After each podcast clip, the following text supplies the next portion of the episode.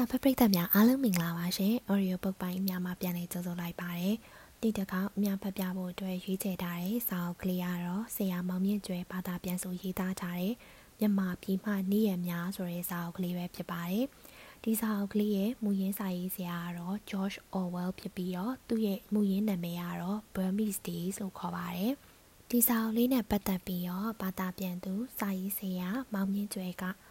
အခုလိုပဲရေးသားထားပါတယ်။ ဒီစာအုပ်ကိုပြန်ဆိုတဲ့အတီးကရည်ရွယ်ချက်တစ်ခုရှိပါတယ်။မြန်မာနိုင်ငံသည်ဗြိတိရှားတို့၏အုပ်ချုပ်မှုလက်အောက်ကျုံဘဝ၌နှစ်ပေါင်းတရာကျော်နေခဲ့ရပြီး1948ခုနှစ်ဇန်နဝါရီလ4ရက်နေ့သို့ရောက်မှလွတ်လပ်ရေးကိုပြန်လည်ရရှိခဲ့ပါသည်။လွတ်လပ်ရေးရရှိပြီးနောက်ပိုင်းမွေးဖွားလာကြသူများသည်ဗြိတိရှားကိုလိုနီခေသူ့ကျုံဘဝကပြည်ကဲသို့အောက်ကျနောက်ကျနေထိုင်ခဲ့ကြရသည်ကိုသိကြမည်မဟုတ်ပါ။လွတ်လပ်သောလူမျိုးဖြစ်ရမှုနှင့် လွတ်လပ်သောနိုင်ငံဖြစ်ရမှုတို့သည်ကျွန်တော်တို့အားလုံးအတွက်မြင်များအထိအရေးကြီးကြောင်းမြင်များအထိဂုဏ်ယူဝင်ကြားပွဲဖြစ်ကြောင်းသိစေလိုသောစေတနာဖြင့်ကျွန်းခေတ်ကအခြေအနေမြင်ကွင်းတရက်ကိုမြန်မာဘာသာဖြင့်ပြန်ဆိုတင်ပြခြင်းဖြစ်ပါသည်လို့ဆရာကအခုလိုပဲရေးသားထားပါတယ်ရှင်။ဆရာမောင်မြင့်ကျွဲဘာသာပြန်ဆိုရေးသားထားတဲ့မြန်မာပြည်မှနီးရများဆိုတဲ့စာအုပ်ကလေးကိုအတန်းစာအုပ်အနေနဲ့ကျွန်မစတင်ဖတ်ပြပေးသွားမှာဖြစ်ပါတယ်ရှင်။အခန်းတဲ အတန်းမြန်မာနိုင်ငံကြောက်တရားမြို့မှာနေပိုင်ရာဇဝတ်တရားသူကြီးဥပိုးကျင်သည်နေအိမ်ဝရန်တာတွင်ထိုင်နေသည် အချိန်မှာနနက်၈နာရီခွဲသာရှိသေးသည်တို့ရတွင်ထိုလမှာဧပြီလဖြစ်သည့်အပြင်လင်းငိမ့်နေသောကြောင့်အသက်ရှူမွန်းကျက်စေမည်ရှည်လျားလာသောနေ့လယ်နေကင်းနှင့်ကြုံတွေ့ရလိမ့်မည်ဟုအရင်နှမိတ်ပြနေသည်တခါတရံတွင်အပူရှိန်နှင့်စန့်ကျင်ဘက်ဖြစ်အောင်အေးနေသည်ဟုထင်ရသော လေးပြေကလေးကတဇက်မိန်၌တွဲလောင်းဆွဲထားသည် ရေလောင်းပြီးစာတစ်ခွပန်းပြိုးပင်ကလေးကိုဖြတ်တန်းရောက်ရှိလာတတ်သည်ထိုတစ်ခွပန်းများကိုကြော်လွန်သောကောက်ကွေးနေသောထမ်းပင်တပင်ဤပင်စီထိုပင်စီ၏နောက်ဘက်တွင်ကချစ်ချစ်တောက်ပူပြင်းသောမိုးကောင်းကင်ပြပြကြီးကိုမြင်ရမည်မြင်မာလွန်လှသောကြောင့်မျက်စိကျိန်းလာအောင်လင်းလက်နေသောကောင်းငင်တွင်မူလက်ဓာတချို့ကတောက်မှန်မခတ်ဘဲနှင့်ပြန်ဝဲနေသည်မျက်တောင်မခတ်သောကြောင့်ကျွေရုပ်ကြီးတယုံနှင့်တူသောဥဖိုးကျင်သည် ပူပြင်းလာသောနေအောင်ကြီးထဲတွင်ငေးကြည့်နေသည်သူသည်အသက်50ကျော်ပြီးဝါလွန်လာသောကြောင့်ကူညီမပါပဲသူ့ကလပ်တိုင်ပေါ်မှပြန်မထနိုင်ခဲ့သည့်နှစ်ပေါင်းများစွာကြာခဲ့လေသည်သို့တော်သူသည်ဝါလွန်သည့်တိုင်အောင်အချိုးအစားညီညီမျှမျှနှင့်ပုံပန်းမပြတ်ကြည်ကောင်းလီဆဲပင်ဖြစ်သည်ထိုကဲ့သို့ဖြစ်ရခြင်းမှာမြမလူမျိုးများသည်မျက်နှာပြူများကဲ့သို့ခန္ဓာကိုယ်ဝါပေါင်းပြီးဤတွဲလာခြင်းမရှိဘဲ တစ်သီးများကြီးထွားလာသလိုအချိုးအစာကြားနာစွာကြီးထွားလာသောကြောင့်ပေသည်သူမျက်နာသည်အဝါရောင်တန်းနေသလိုကြီးမားလာ၏သည်မျက်နာပေါ်တွင်အသားရည်တွန်ခြင်းမရှိမျက်လုံးများကလည်းညူရောင်တန်းနေသည်သူသည်ခြေထောက်တိုသည်သာမကခြေပမိုးခုံးသူဖြစ်သည်သူ့ခြေချောင်းကလေးများသည်အတိုးအရှိမရှိဘဲတညီတညာတည်းဖြစ်နေကြသည်သူ့ခြေထောက်တွင်ဖနက်စီးမထားသလိုကတုံးစတောင်ညှက်ထားသောဥကောင်းပေါ်တွင်လည်းအုတ်ထုတ်ဆောင်မထားပါ သူသည်တာမန်ပွဲလန်းသပင်များတွင်မြမလူမျိုးများဝစ်စင်လေးရှိသောကြက်သွေးရောင်တောက်တောက်နှင့်မကြီးစီကွက်လုံကြီးတစ်ထဲကိုသာဝစ်စင်ထားသည်သူသည်စပွဲပေါ်ရှိယွန်းအင်မှကွန်ရတရားကိုဝါရင်သူ့အတိတ်ဘဝကိုစဉ်းစားနေသည်သူ့ဘဝသည်ထူးထူးခြားခြားအောင်မြင်မှုရရှိခဲ့သောဘဝပင်ဖြစ်သည်မမီသမျှကိုပြန်ပြောင်းတွေးကြည့်မည်ဆိုပါက1880ပြည်လွန်နှစ်များတွင် အောင်ပွဲခံလာကြသောဗြိတိရှစစ်သားများ မန္တလေးမြို့တွင်သို့ခြိတက်လာကြစဉ်အခါကသူသည်ကိုလုံးတီနှင့်လမ်းဘေးကရက်ကြည့်နေခဲ့သောဘိုက်ပူနန်းကကလေးတယောက်သားဖြစ်သည်ထိုစဉ်ကအမဲသားကျွေးထားသောကြောင့်ထွားချိုင်းလာသောစစ်သားကြီးများသည်ကဝင်းကြီးအနီးဝစ်စင်ထားကြပြီးနီရဲသောမျက်နှာကြီးများနှင့်ရိုင်ဖယ်တနက်ရှိကြီးများကိုပကုံးပေါ်တွင်ထမ်းလာကြသည်လေးလံသောစစ်ဖက်နှက်ကြီးများနှင့်ညီညီညာညာဆောင်းနှင်းလာကြသောခြေတံများကြောင့် သူကြောက်စိတ်များဖြစ်ပေါ်လာသည်ကိုလည်းပြန်မှတ်မိလာသည်သူသည်မိနစ်အနည်းငယ်ခန့်ရက်ကြည့်ပြီးခဲ့သည့်နောက်ထွက်ပြေးခဲ့မိသည်မြန်မာလူမျိုးများသည်ဤမြကြီးမားထွားကြိုင်သော လူပလူလူမျိုးတစ်မျိုးနှင့်ရှင်ပြိုင်လျင်မရနိုင်ဟုလည်းခလီအတွေ့တွေးခဲ့မိသည်တို့ကြောင့်ဗြိတိရှတို့ထံတွင်ကပ်ပါရပ်ပါပြုပြီးဗြိတိရှတို့ဘက်မှဝင်ရောက်တိုက်ခိုက်ကြီးဆိုသောအတွေ့သည်ခလေးဘဝမှစ၍ကြီးစိုးနေခဲ့သော သူ၏အာတီတာပင်ဖြစ်တော်သည် သူသည်အသက်18နှစ်အရွယ်တွင် အစိုးရလာကစားအဖြစ်ဝင်ရောက်အမှုထမ်းခွင့်ရရှိရန်ကြိုးပမ်းခဲ့သည်တို့ရတွင်ဆင်းရဲနွမ်းပါသည့်သားမကကုညီမြင့်မိတ်ဆွေမရှိသောကြောင့်အလုံးမရခဲ့ကြထို့ကြောင့်သူသည်ဝင်ကပါကဲ့သို့ရှုပ်ထွေးပွေလီနန်းစောလာသောမန္တလေးဈေးတွင်၌သုံးနှစ်တာများအလုပ်လုပ်ခဲ့ရသည်သူသည်စံကုန်သည်များထံတွင်စည်ရေးလုပ်ရင်းတခါတရံတွင်အလစ်တုပ်၍အသက်မွေးခဲ့ရသည် ထို့နောက်အသက်20အရွယ်သို့ရောက်သောအခါကံကောင်းထောက်မှပြီးချင်းချောက်ငွေညှိ၍ရူပီ400အောင်ရရှိခဲ့သည်ဤတွင်သူသည်ရန်ကုန်သို့ဆင်းလာပြီးလက်ထိုး၍စည်ရေးရာထူးတနေရာတွင်လဝင်ရောက်လောက်ကင်ခွင့်ရရှိခဲ့သည်ထိုအလုံးမှာလာကနေတော့လဲအထူးငွေရွှင်သောအလုပ်ဖြစ်သည်ထိုစဉ်ကစီးရေးများသည်ခိုင်းဖွဲ့ပြီးအစိုးရပိုင်ပစ္စည်းများကိုအလွဲသုံးစားပြုလုပ်နေကြသည်ဖြစ်ရာဖိုးကျင်ထိုစဉ်အခါကဂုံတရီရှိရှိဥတက်၍အခေါ်မခံရသေးကြ သည်လဲထိုလုပ်ငန်းထဲတွင် ထုံးစံအတိုင်းရောက်ရှိသွားလေတော့သည်တို့ရာတွင်ဖိုးကျင်၏အရေးအချင်းသည်အသေးမွားဖြစ်သောပဲပိုင်မှစာ၍ခိုးယူနေသည့်စရေးဘဝ၌အယိုးထုတ်ရမည်ပုဂ္ဂိုလ်တဦးတည်းများစွာသာလွန်နေပေသည်တနေ့တွင် အရာရှိငယ်ရာတူနေရာများ၌လစ်လက်နေသောကြောင့်စိတ်ရေးဝန်တန်းအကျိုးကိုထိုရာတူးနေရာများ၌ရွေးချယ်ခံထားမည်ဆိုသောသတင်းကိုသူရရှိလာသည်ထိုသတင်းကိုနောက်ပတ်တွင်မှလူသိရှင်ကြားကြေညာမည်ဟုဖြစ်သည် တို့ရာတွင်သတင်းမှန်သမျှကိုအခြားပုဂ္ဂိုလ်များတပတ်ခန့်စော၍သိနိုင်ခြင်းမှာဘိုးကျင်၏အရေးချင်းတရက်ပင်ဖြစ်သည်ဘိုးကျင်သည်သူ့ခွင့်ရေးကိုနားလေသဘောပေါက်သူဖြစ်သောကြောင့်သူ၏လုပ်ဖော်ကင်ပတ်များအတိတ်တလန့်မဖြစ်မီသူကဖော်ထုတ်၍တိုင်ကြားလိုက်တော်သည်ထိုပုဂ္ဂိုလ်အများစုထောက်ကြသွားကြသလိုဖိုးကျင်လည်းသူ၏ရိုးသားဖြောင့်မတ်မှုအတွက်လက်ထောက်မျိုးပိုင်ယာဒူးတနေရာတွင်ခန့်အပ်ထားခြင်းခံရလေတော့သည်ထိုအချိန်မှစ၍သူသည်မမှန်ယာဒူးတက်ခဲ့သည် ယခုသူသည်အသက်56နှစ်အရွယ်တွင်နေပိုင်ရာဇဝတ်တရားသူကြီးတစ်ယောက်ဖြစ်နေလေသည်သူသည်မျက်နှာပြူတချို့နှင့်ယာဒူးချင်းတူနေသည်သူ၏လက်အောက်သို့မျက်နှာပြူတချို့ပင်ရောက်ရှိကောင်းရောက်ရှိလာမည်ဖြစ်သောယာယီအရေးပိုင်ယာဒူးအတီတိုးမြင့်ခံထားခံပွဲရာဖြစ်သည်ရာဇဝတ်တရားသူကြီးတယောက်အနေနဲ့သူကျင့်သုံးသောစနစ်မှာရှင်းလင်းလာပေသည် သူသည်တန်ဆိုးလက်ဆောင်ခမည်းများရသည့်တိုင်အောင် စီရင်ချက်တစ်ခုမြည်သည့်အခါတွင်မှမှားယွင်းစွာချမှတ်မည်မဟုတ်ပါမှားယွင်းသောစီရင်ချက်များကိုချမှတ်လေရှိသောရာဇဝတ်တရားသူကြီးတယောက်သည်အနေနဲ့အမြန်ဆိုသလိုအရေးယူခံရလေရှိကြောင်းသူသိသည်ပို၍စိတ်ချရသောသူ၏လှုပ်ထုံးလုံနှီးမှာတရလိုတရခန့်နှစ်ဖက်စလုံးထံမှလက်ယူပြီးသည့်နောက်ထိုမှုကိုဥပဒေနှင့်အညီအမိန့်ချမှတ်လိုက်ခြင်းပင်ဖြစ်သည်ဤနည်းအားဖြင့်သူသည်အာဂတိမလိုက်စားပင်မြတ်တမှုရှိသူတူဆို၍ ထင်ရှားလာခဲ့လေသည်ဥပုပ်ကျင်သည်တရလိုတရခန့်များထံမှအခွန်တော်များရရှိနေသည့်တိုင်အောင်သူ၏လက်အောက်တွင်ရှိသောကြေးရွာများထံမှကိုပိုင်အခွန်ကောက်ခံသောစနစ်တစ်ခုဖြင့်အမြဲမပြတ်အခွန်လက်ခံရရှိနေပေသည်အကယ်၍ကျေးရွာတရွာသည်ဥဖိုးကျင်အားတန်ဆိုးလက်ဆောင်မပေးပါကထိုရွာအားတန်ခတ်လေးရှိသည်ထိုရွာကပေးစာရမည်ဆက်ကြီးကိုလည်းမပေးမချင်းထိုရွာသည်ဓမြတိုက်ခံခဲ့ရသည် တို့ဒီမဟုတ်ရွာလူကြီးများသည်မဟုတ်မမှန်သောဆွဲချက်များဖြင့်အဖမ်းဆီးခံကြရသည်သူသည်ခရိုင်အတွင်း၌ဖြစ်ပွားသောဓမြမှုများမှလည်းအမြဲဝေစုရလိရှိသည်ဥဖိုးကျင်၏လုံနီးလှုပ်ဟန်အများစုသူ၏အထက်အရာရှိများမှအပါလူတိုင်းကသိရှိနေကြသည်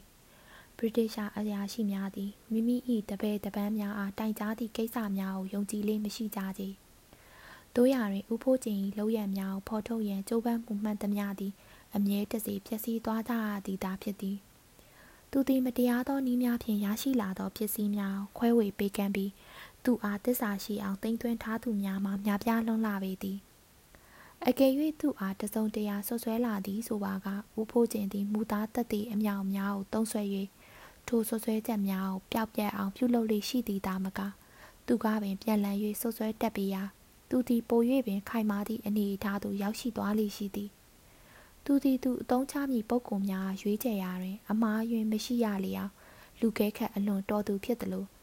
လျှို့လျှို့ဝဝဆောင်ရွက်ရမည့်ကိစ္စများကိုလေဟင်းမှုမရှိအောင်အမြဲတစေတတိကြီးစွာထား၍ဆောင်ရွက်လေရှိသူဖြစ်သောကြောင့်သူအားလက်တွေ့တွင် အမိဖမ်း၍မလွယ်ကူသူပင်ဖြစ်သည်ဦးဖိုးကျင်၏ရုပ်လုံးသည်မြည်သည့်အခါတွင်မျှပေါ်လာမည်မဟုတ်သလိုသူသည်အောင်ပွဲအဆင့်ဆင့်ကိုကြော်နှင်းဖြတ်တန်းပြီးသည့်နောက်တိမ်မောင်းများစွာကျွဲဝချမ်းသာပြီး ဂုံတိတ်ခါကြီးမားသူတူဖြင့်ကွယ်လွန်ရလိမ့်မည်ဟုတတိကျပြောနိုင်ပေမည်ထို့အပြင်သူသည်နောက်တမလွန်ဘဝ၌ပင်အောင်မြင်မှုများကိုဆက်လက်ရရှိနိုင်ပေလိမ့်မည်ဗုဒ္ဓဘာသာဝင်များ၏ယုံကြည်ချက်များအရာယခုဘဝ၌မကောင်းမှုများကိုပြုလုပ်သူများသည်နောက်ဘဝတွင်ကြွက်ဖာစသောနှိမ့်ကြသောတရိษံဘဝသို့ရောက်ရှိသွားလိမ့်မည်ဟုယုံကြည်ကြသည်ဥပိုးကျင်သည်ဗုဒ္ဓဘာသာကိုယုံကြည်သူတူဦးဖြစ်ရာထို့အဖြစ်များပျောက်ပြက် သွားစေလိုသော အာတိတရှိသည်သူသည်တည်ခြင်းတရားနှင့်နီးကပ်လာသောနှစ်ကာလများအတွင်းတွင်တသက်လုံးပြုလုပ်လာခဲ့သမျှသောမကောင်းမှုဒုစရိုက်များအားလွှမ်းမိုးသွားစေမည်ကောင်းမှုကုသိုလ်များကိုစူးစောင်းမိအောင်စောက်ချ၍ဆောင်ရွက်နေလေသည်ထိုကုသိုလ်ကောင်းမှုများကြောင့်သူသည်ဤကဘာပေါ်သို့ယောက်ျားဘဝနှင့်ပြန်လည်ရောက်ရှိလာနိုင်ပေသည်အမျိုးသမီးများ၏ဘဝကမူကြွက်ဖားစသောတရိษံများနှင့်တဒန်းတစားတဲ့လူလိုဖြစ်နေသည် သို့ဒီမဟုတ်ရုပ်စွာအစုံကြက်တည်ရှိလာသောစင်တရဝလိုဘဝမျိုးနှင့်ပင်ရောက်ရှိလာနိုင်ပေသည်ထိုအတွေးမျိုးစုံသည်ဥဖိုးခြင်းဤစိတ်ထဲ၌လျင်မြန်စွာပေါ်ပေါက်လာသလိုအတွေးအများစုကိုအာယုန်ထဲမှပြက်ပြက်တင်တင်မြင်လာရသည်သူ့အုံနောက်သည်မကောင်းမှုကိုကြံစီရာတွင် အလွန်ထက်မြက်တော်လဲအလွန်ရိုင်းဆိုင်သည့်အုံနောက်ဖြစ်သည်တိတိကျကျဆုံးဖြတ်၍ဆောင်ရွက်ရမည့်ကိစ္စမျိုးကိုသာလက်ခံလေးရှိသည် သူသည်တရားထိုင်၍ရသူမဟုတ်ပါ ယခုသူသည် သူဆောင်ရွက်ရမည့်ကိစ္စကိုသဘောပေါက်လိုက်ပေသည် သူသည်သေးငယ်ပြီးတရိကန်ပုံစံရှိသောလက်ကိုကလတိုင်လက်ရန်ပေါ်တွင်တင်လိုက်ပြီးသည့်နောက်ကိုကိုနှစ်ပေးသို့အနှင်းငယ်လှည့်လိုက်ပြီးချွဲတံပါပါနှင့်လှမ်းခေါ်လိုက်လေသည်ဘာတိုက်ဟေ့ဘာတိုက်ဥဖိုးကျင်၏အစီကံဖြစ်သူဘာတိုက်သည်ခန်းစီကိုဖေ၍ဝရဏာဘက်သို့ထွက်လာသည် သူသည်ကြောက်ပေါက်မှများရှိနေသောခန့်ညံ့ညံ့ပုဂ္ဂိုလ်တူဖြစ်ပြီး မရေတရေနှင့်အမြဲတမ်းစားလောင်မိုးသိမ့်နေပုံရသူတူဖြစ်သည်ဥဖိုးကျင်ကဘာတိုက်ကိုလာကမပေးချေဘာတိုက်သည်ခိုးမှုတမှုကိုကျူးလွန်ထားသူဖြစ်ရာဥဖိုးကျင်အားတကွန်းဟလိုက်ယုံနဲ့ထောင်ထဲသို့ရောက်ရှိသွားမိသူဖြစ်သည်ဘာတိုက်သည်လက်အုပ်ချီ၍ရှေ့သို့တိုးလာသည်သူလာပုံမှာနှေးကွေးလာသဖြင့်နောက်ဖက်သို့ပြန်လျှောင်းနေသလိုပင်ထင်မှတ်ရသည်ဘာတိုက်ကပြောလိုက်သည်လာပါပြီကိုတော့ငါ့ကိုတွေးဖို့စောင့်နေသူတွေရှိသလားဘာတိုက် ဘာတိုက်ကဧည့်သည်တွေကိုလက်ချိုး၍ရေတွက်ပြလိုက်သည်တစ်ပင်ကြီးကြီးရွာကရွာသူကြီးလက်ဆောင်တွေနဲ့ရောက်နေပါတယ်ကိုတော့ကိုတော့ယုံမှာရိုက်မှုနဲ့အစ်စ်ခံရမယ့်လူနှစ်ယောက်ကလည်းလက်ဆောင်တွေယူလာပါတယ်အရေးပိုင်ယုံကစရေးကြီးကိုပါစိန်ကလည်းကိုတော့နဲ့တွေ့ကျင်ပါတယ်ပြီးတော့အလီရှာဆိုတဲ့ပုဂ္ဂိုလ်တယောက်ကလည်းကျွန်တော်မျိုးနာမည်မသိတဲ့ဓမြတယောက်လည်းရှိပါသေးတယ် သူတို့နှစ်ယောက်ကခိုးရပါရွှေလက်ကောက်တွေနဲ့ပတ်သက်ပြီးစကားများနေကြတယ်လို့ကျွန်တော်မျိုးထင်ပါတယ်ပြီးတော့ကလေးတယောက်နဲ့တောဟာမိန်းကလေးတယောက်လည်းရှိပါတယ်ကိုတော့ဥဖိုးကျင်ကမီးလိုက်သည်အဲ့ဒီကလေးမဘာလို့ချင်းတဲ့လဲသူ့ကလေးဟာကိုတော့ကလေးလို့ပြောတာပဲဖေယားအေးတကြီးကဘာတွေယူလာသလဲရူဘီငွေ30နဲ့တရက်သီးတချင်းတော်ထင်ကြောင်းဘာတိုက်ကပြောလိုက်သည်ဥဖိုးကျင်ကပြောလိုက်သည် တကြီးကိုပြောလိုက်ရူဘီငွေ20ဖြစ်ရမယ်လို့လက်ပြန်ကဒီငွေရောက်မလာရင်သူနဲ့သူ့ရွာသားတွေဒုက္ခရောက်လိမ့်မယ်ကျန်တဲ့လူတွေကိုငါအခုတွေ့မယ်ကိုဘစိန်ကိုဒီကိုလာခဲ့ပါလို့သွားပြောလိုက်ကိုဘစိန်ချက်ချင်းရောက်လာသည်သူသည်ကိုကိုမမတ်ထားလိရှိပြီးပကုံးကျင်းသူဖြစ်သလိုမြမလူမျိုးများတဲ့၌အလွန်အရက်ရှိသူဖြစ်သည်သူမျက်နာသည်ထူးထူးခြားခြားပြောင်းချောနေသူဖြစ်ရာကော်ဖီရောင်ထနေသောပူတင်းမုံနဲ့ပင်တူဝေသည် ဥဖို့ကျင်ကသူ့အားအလွန်အတုံးချသောလက်ကင်တုံးဖြင့်အတုံးချနေသည်ကိုဝါကျင်သည်အလွန်ထူအလွန်အပြီးအလွန်အလုံးလုံးသောစည်ရေးကောင်းတစ်ယောက်ဖြစ်သည်အရေးပိုင်းမစ္စတာမက်ဂရီကာကလျှို့ဝှက်စာတွဲအမြဲဝါစုကိုယုံကြည်စွာအနံ့ရသူလည်းဖြစ်သည်သူ့စိတ်ကူးစိတ်တမ်းများကြောင့်စိတ်ကောင်းဝင်နေသောဥဖိုးကျင်ကဘားစိန်အားတစ်ချက်ရေးလိုက်ပြီးကွန်အစ်ကိုလက်နဲ့ဝေရမ်းပြရင်ကြိုးဆိုလိုက်သည် ဘလို့လဲကိုပါစိန်ကျုပ်တို့လုပ်ငန်းကဘလို့အခြေအနေရှိသလဲအဲ့ဒီကိစ္စကျွန်တော်တို့ရဲ့ချက်လာစွာသောမစ္စတာမက်ဂရီကာပြောလေပြောထားရှိသလိုဥဖိုးကျင်ကအင်္ဂလိပ်လိုပြောင်းလဲ၍ပြောလိုက်သည်မတိမတာတိုးတက်နေပြီလားဘားစိန်ကဟိုဟာသားကိုပြုံးရည်ခြင်းမပြုပါလွတ်နေသောကလတ်ထိုင်တစ်လုံးတွင်ခပ်ပတ်ပတ်ခတ်တောင်းတောင်းဝင်ထိုင်ပြီးဖြေလိုက်သည်အခြေအနေတိတ်ကောင်းပါတယ်ဝင်တောင်းမင်းကျွန်တော်မျိုးတို့ရဲ့တည်င်းစာဒီမနက်ကိုရောက်လာပါတယ် ကြည့်တော်မူပါဖေ။သူကအင်္ဂလိပ်မြန်မာနှစ်ဘာသာနဲ့ရိုက်နှိပ်ထုတ်ဝေထားသောမြန်မာမျိုးကျင့်တည်င်းစာတစ်စောင်ထုတ်ပြလိုက်သည်။ထိုတည်င်းစာမှာရှင်းမျက်နှာပါသောခက်ညံ့ညံ့တည်င်းစာဖြစ်ပြီးမိနိတ်ဇက်ကူကဲ့သို့ညံပြင်းသောစာရွက်များပေါ်တွင်ရိုက်နှိပ်ထားသည်။ထိုသတင်းစာတွင်ရန်ကုန်ကေဆက်အင်္ဂလိပ်သတင်းစာမှကူးယူထားသောသတင်းများနှင့်မြန်မာမျိုးချစ်ပုဂ္ဂိုလ်များ၏မထီရောက်လာသောစွန်စားကမ်းများကိုဖော်ပြထားသည်။ဥဦးဖိုးကျင်ကလှန်၍ဖတ်လိုက်ပြီး ဆောင်းပါးသည်ကြံသောအခြားသတင်းများနှင့်လုံးဝမတူကြထိုဆောင်းပါးမှာလူမဲများဖြစ်ကြသောကျွန်တော်တို့အားကြီးကျယ်လာသောအနောက်တိုင်းရှင်ကျေးမှုကြီးကရုပ်ရှင်စစ်တနတ်စစ်ဖလစ်ကာလာသားယောဂအစားရှိသောအခွင့်အရေးမျိုးစုံဖြင့်အစဉ်တန်းမြင့်အောင်မြင့်တင်ပေးနေသောပျော်စရာကောင်းလာသည့်ယခုလိုအခါတမယတွင်ကျွန်ုပ်တို့၏ဂျေဆုရှင်များဖြစ်ကြကုန်သောမျက်နှာဖြူများ၏အတွင်း၏ဇလန်းများထက် ပို၍စိတ်ဝင်စားဖွယ်ကောင်းသောအကြောင်းအရာရှိနိုင်ပါအောင်မည်လားထို့ကြောင့်အထက်အညာဒေသရှိကြောက်တရားခရိုင်မှအဖြစ်အပျက်တချို့ကိုစာဖတ်သူများစိတ်ဝင်စားကြလိမ့်မည်ဟုကျွန်ုပ်တို့ယူဆပါသည်အထူးသဖြင့်ထိုခရိုင်မှလေးစားဖွယ်ကောင်းသောအရေးပိုင်မစ္စတာမက်ဂရီကာ၏အကြောင်းဖော်ပြလိုပါသည်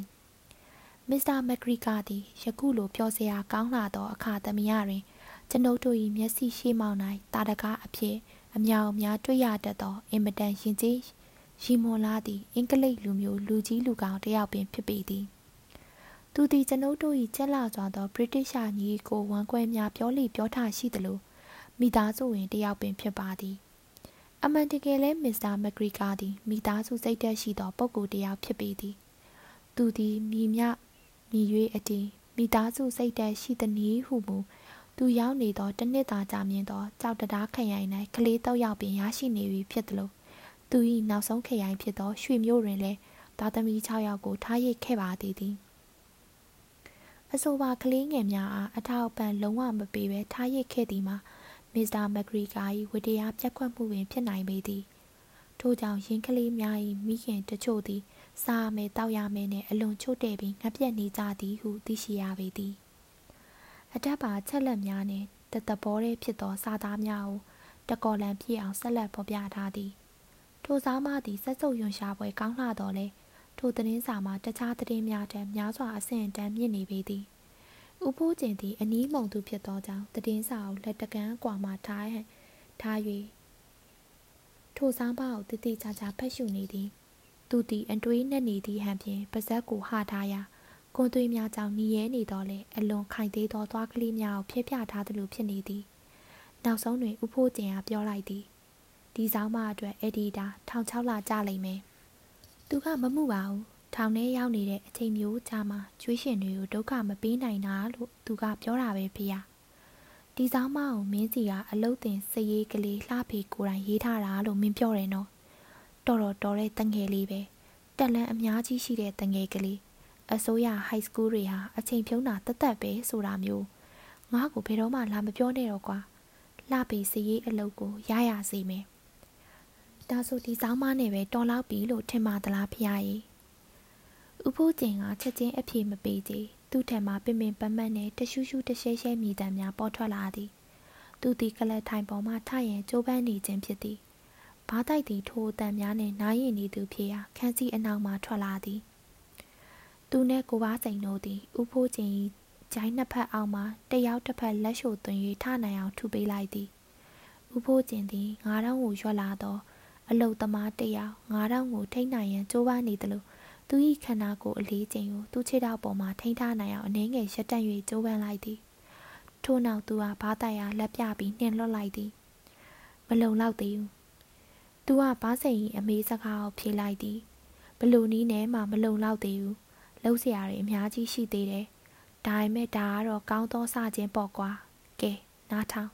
။သူသည်ကွန်သွေးများကိုထွေးထုတ်ရန်ဝရဏလက်ရန်စီသို့လျှောက်သွားသည်။ထို့နောက်လက်နှစ်ပတ်ကိုနောက်ပြစ်လျက်ခြေလန်းစိတ်စိတ်နဲ့ဝရဏပေါ်တွင်ခောက်ထုတ်ခောက်ပြန်လမ်းလျှောက်လိုက်သည်။သူ၏ကြီးမားသောပေါင်တန်အချင်းချင်းပွတ်တိုက်မှုကြောင့်သူသည်အနှဲငယ်လိမ့်ဖဲလိမ့်မဲဖြစ်နေသည်။သူသည်လမ်းလျှောက်ရင်းအစိုးရရုံးများ၌ပြောလိပြောထားရှိသောပုံစံအတိုင်း မြန်မာစကားလုံးနှင့်အင်္ဂလိပ်စကားလုံးများကိုရောနှော၍ပြောသွားလေတော့သည်တို့ဒီကိစ္စကိုအစားအပြန်ပြီးသုံးသပ်ကြအောင်တို့ကထောင်ပိုင်ကြီးတာဝန်ကိုပါပူးတွဲထမ်းဆောင်ရတဲ့ခရိုင်ဆရာဝန်ကြီးဒေါက်တာဘာယန်စွာမီကိုဗတ်ပေါင်းဆောင်ကထိုးစစ်ဆင်ကြမှာမဟုတ်လားတို့ကသူ့အကြောင်းမကောင်းတဲ့လွှင့်မယ်သူ့ရဲ့ဂုံတိတ်ခါကိုဖျက်ဆီးမယ်နောက်ဆုံးကြတော့သူ့ကိုတသက်လုံးနှလန်မထူနိုင်အောင်ဖျက်ဆီးပြစ်မယ် ဒီကိစ္စကတော်တော်ကလေးတိမ်မွေးဖို့လိုတဲ့လုပ်ငန်းတစ်ခုပဲမှန်လားပါဝင်တောင်းမင်း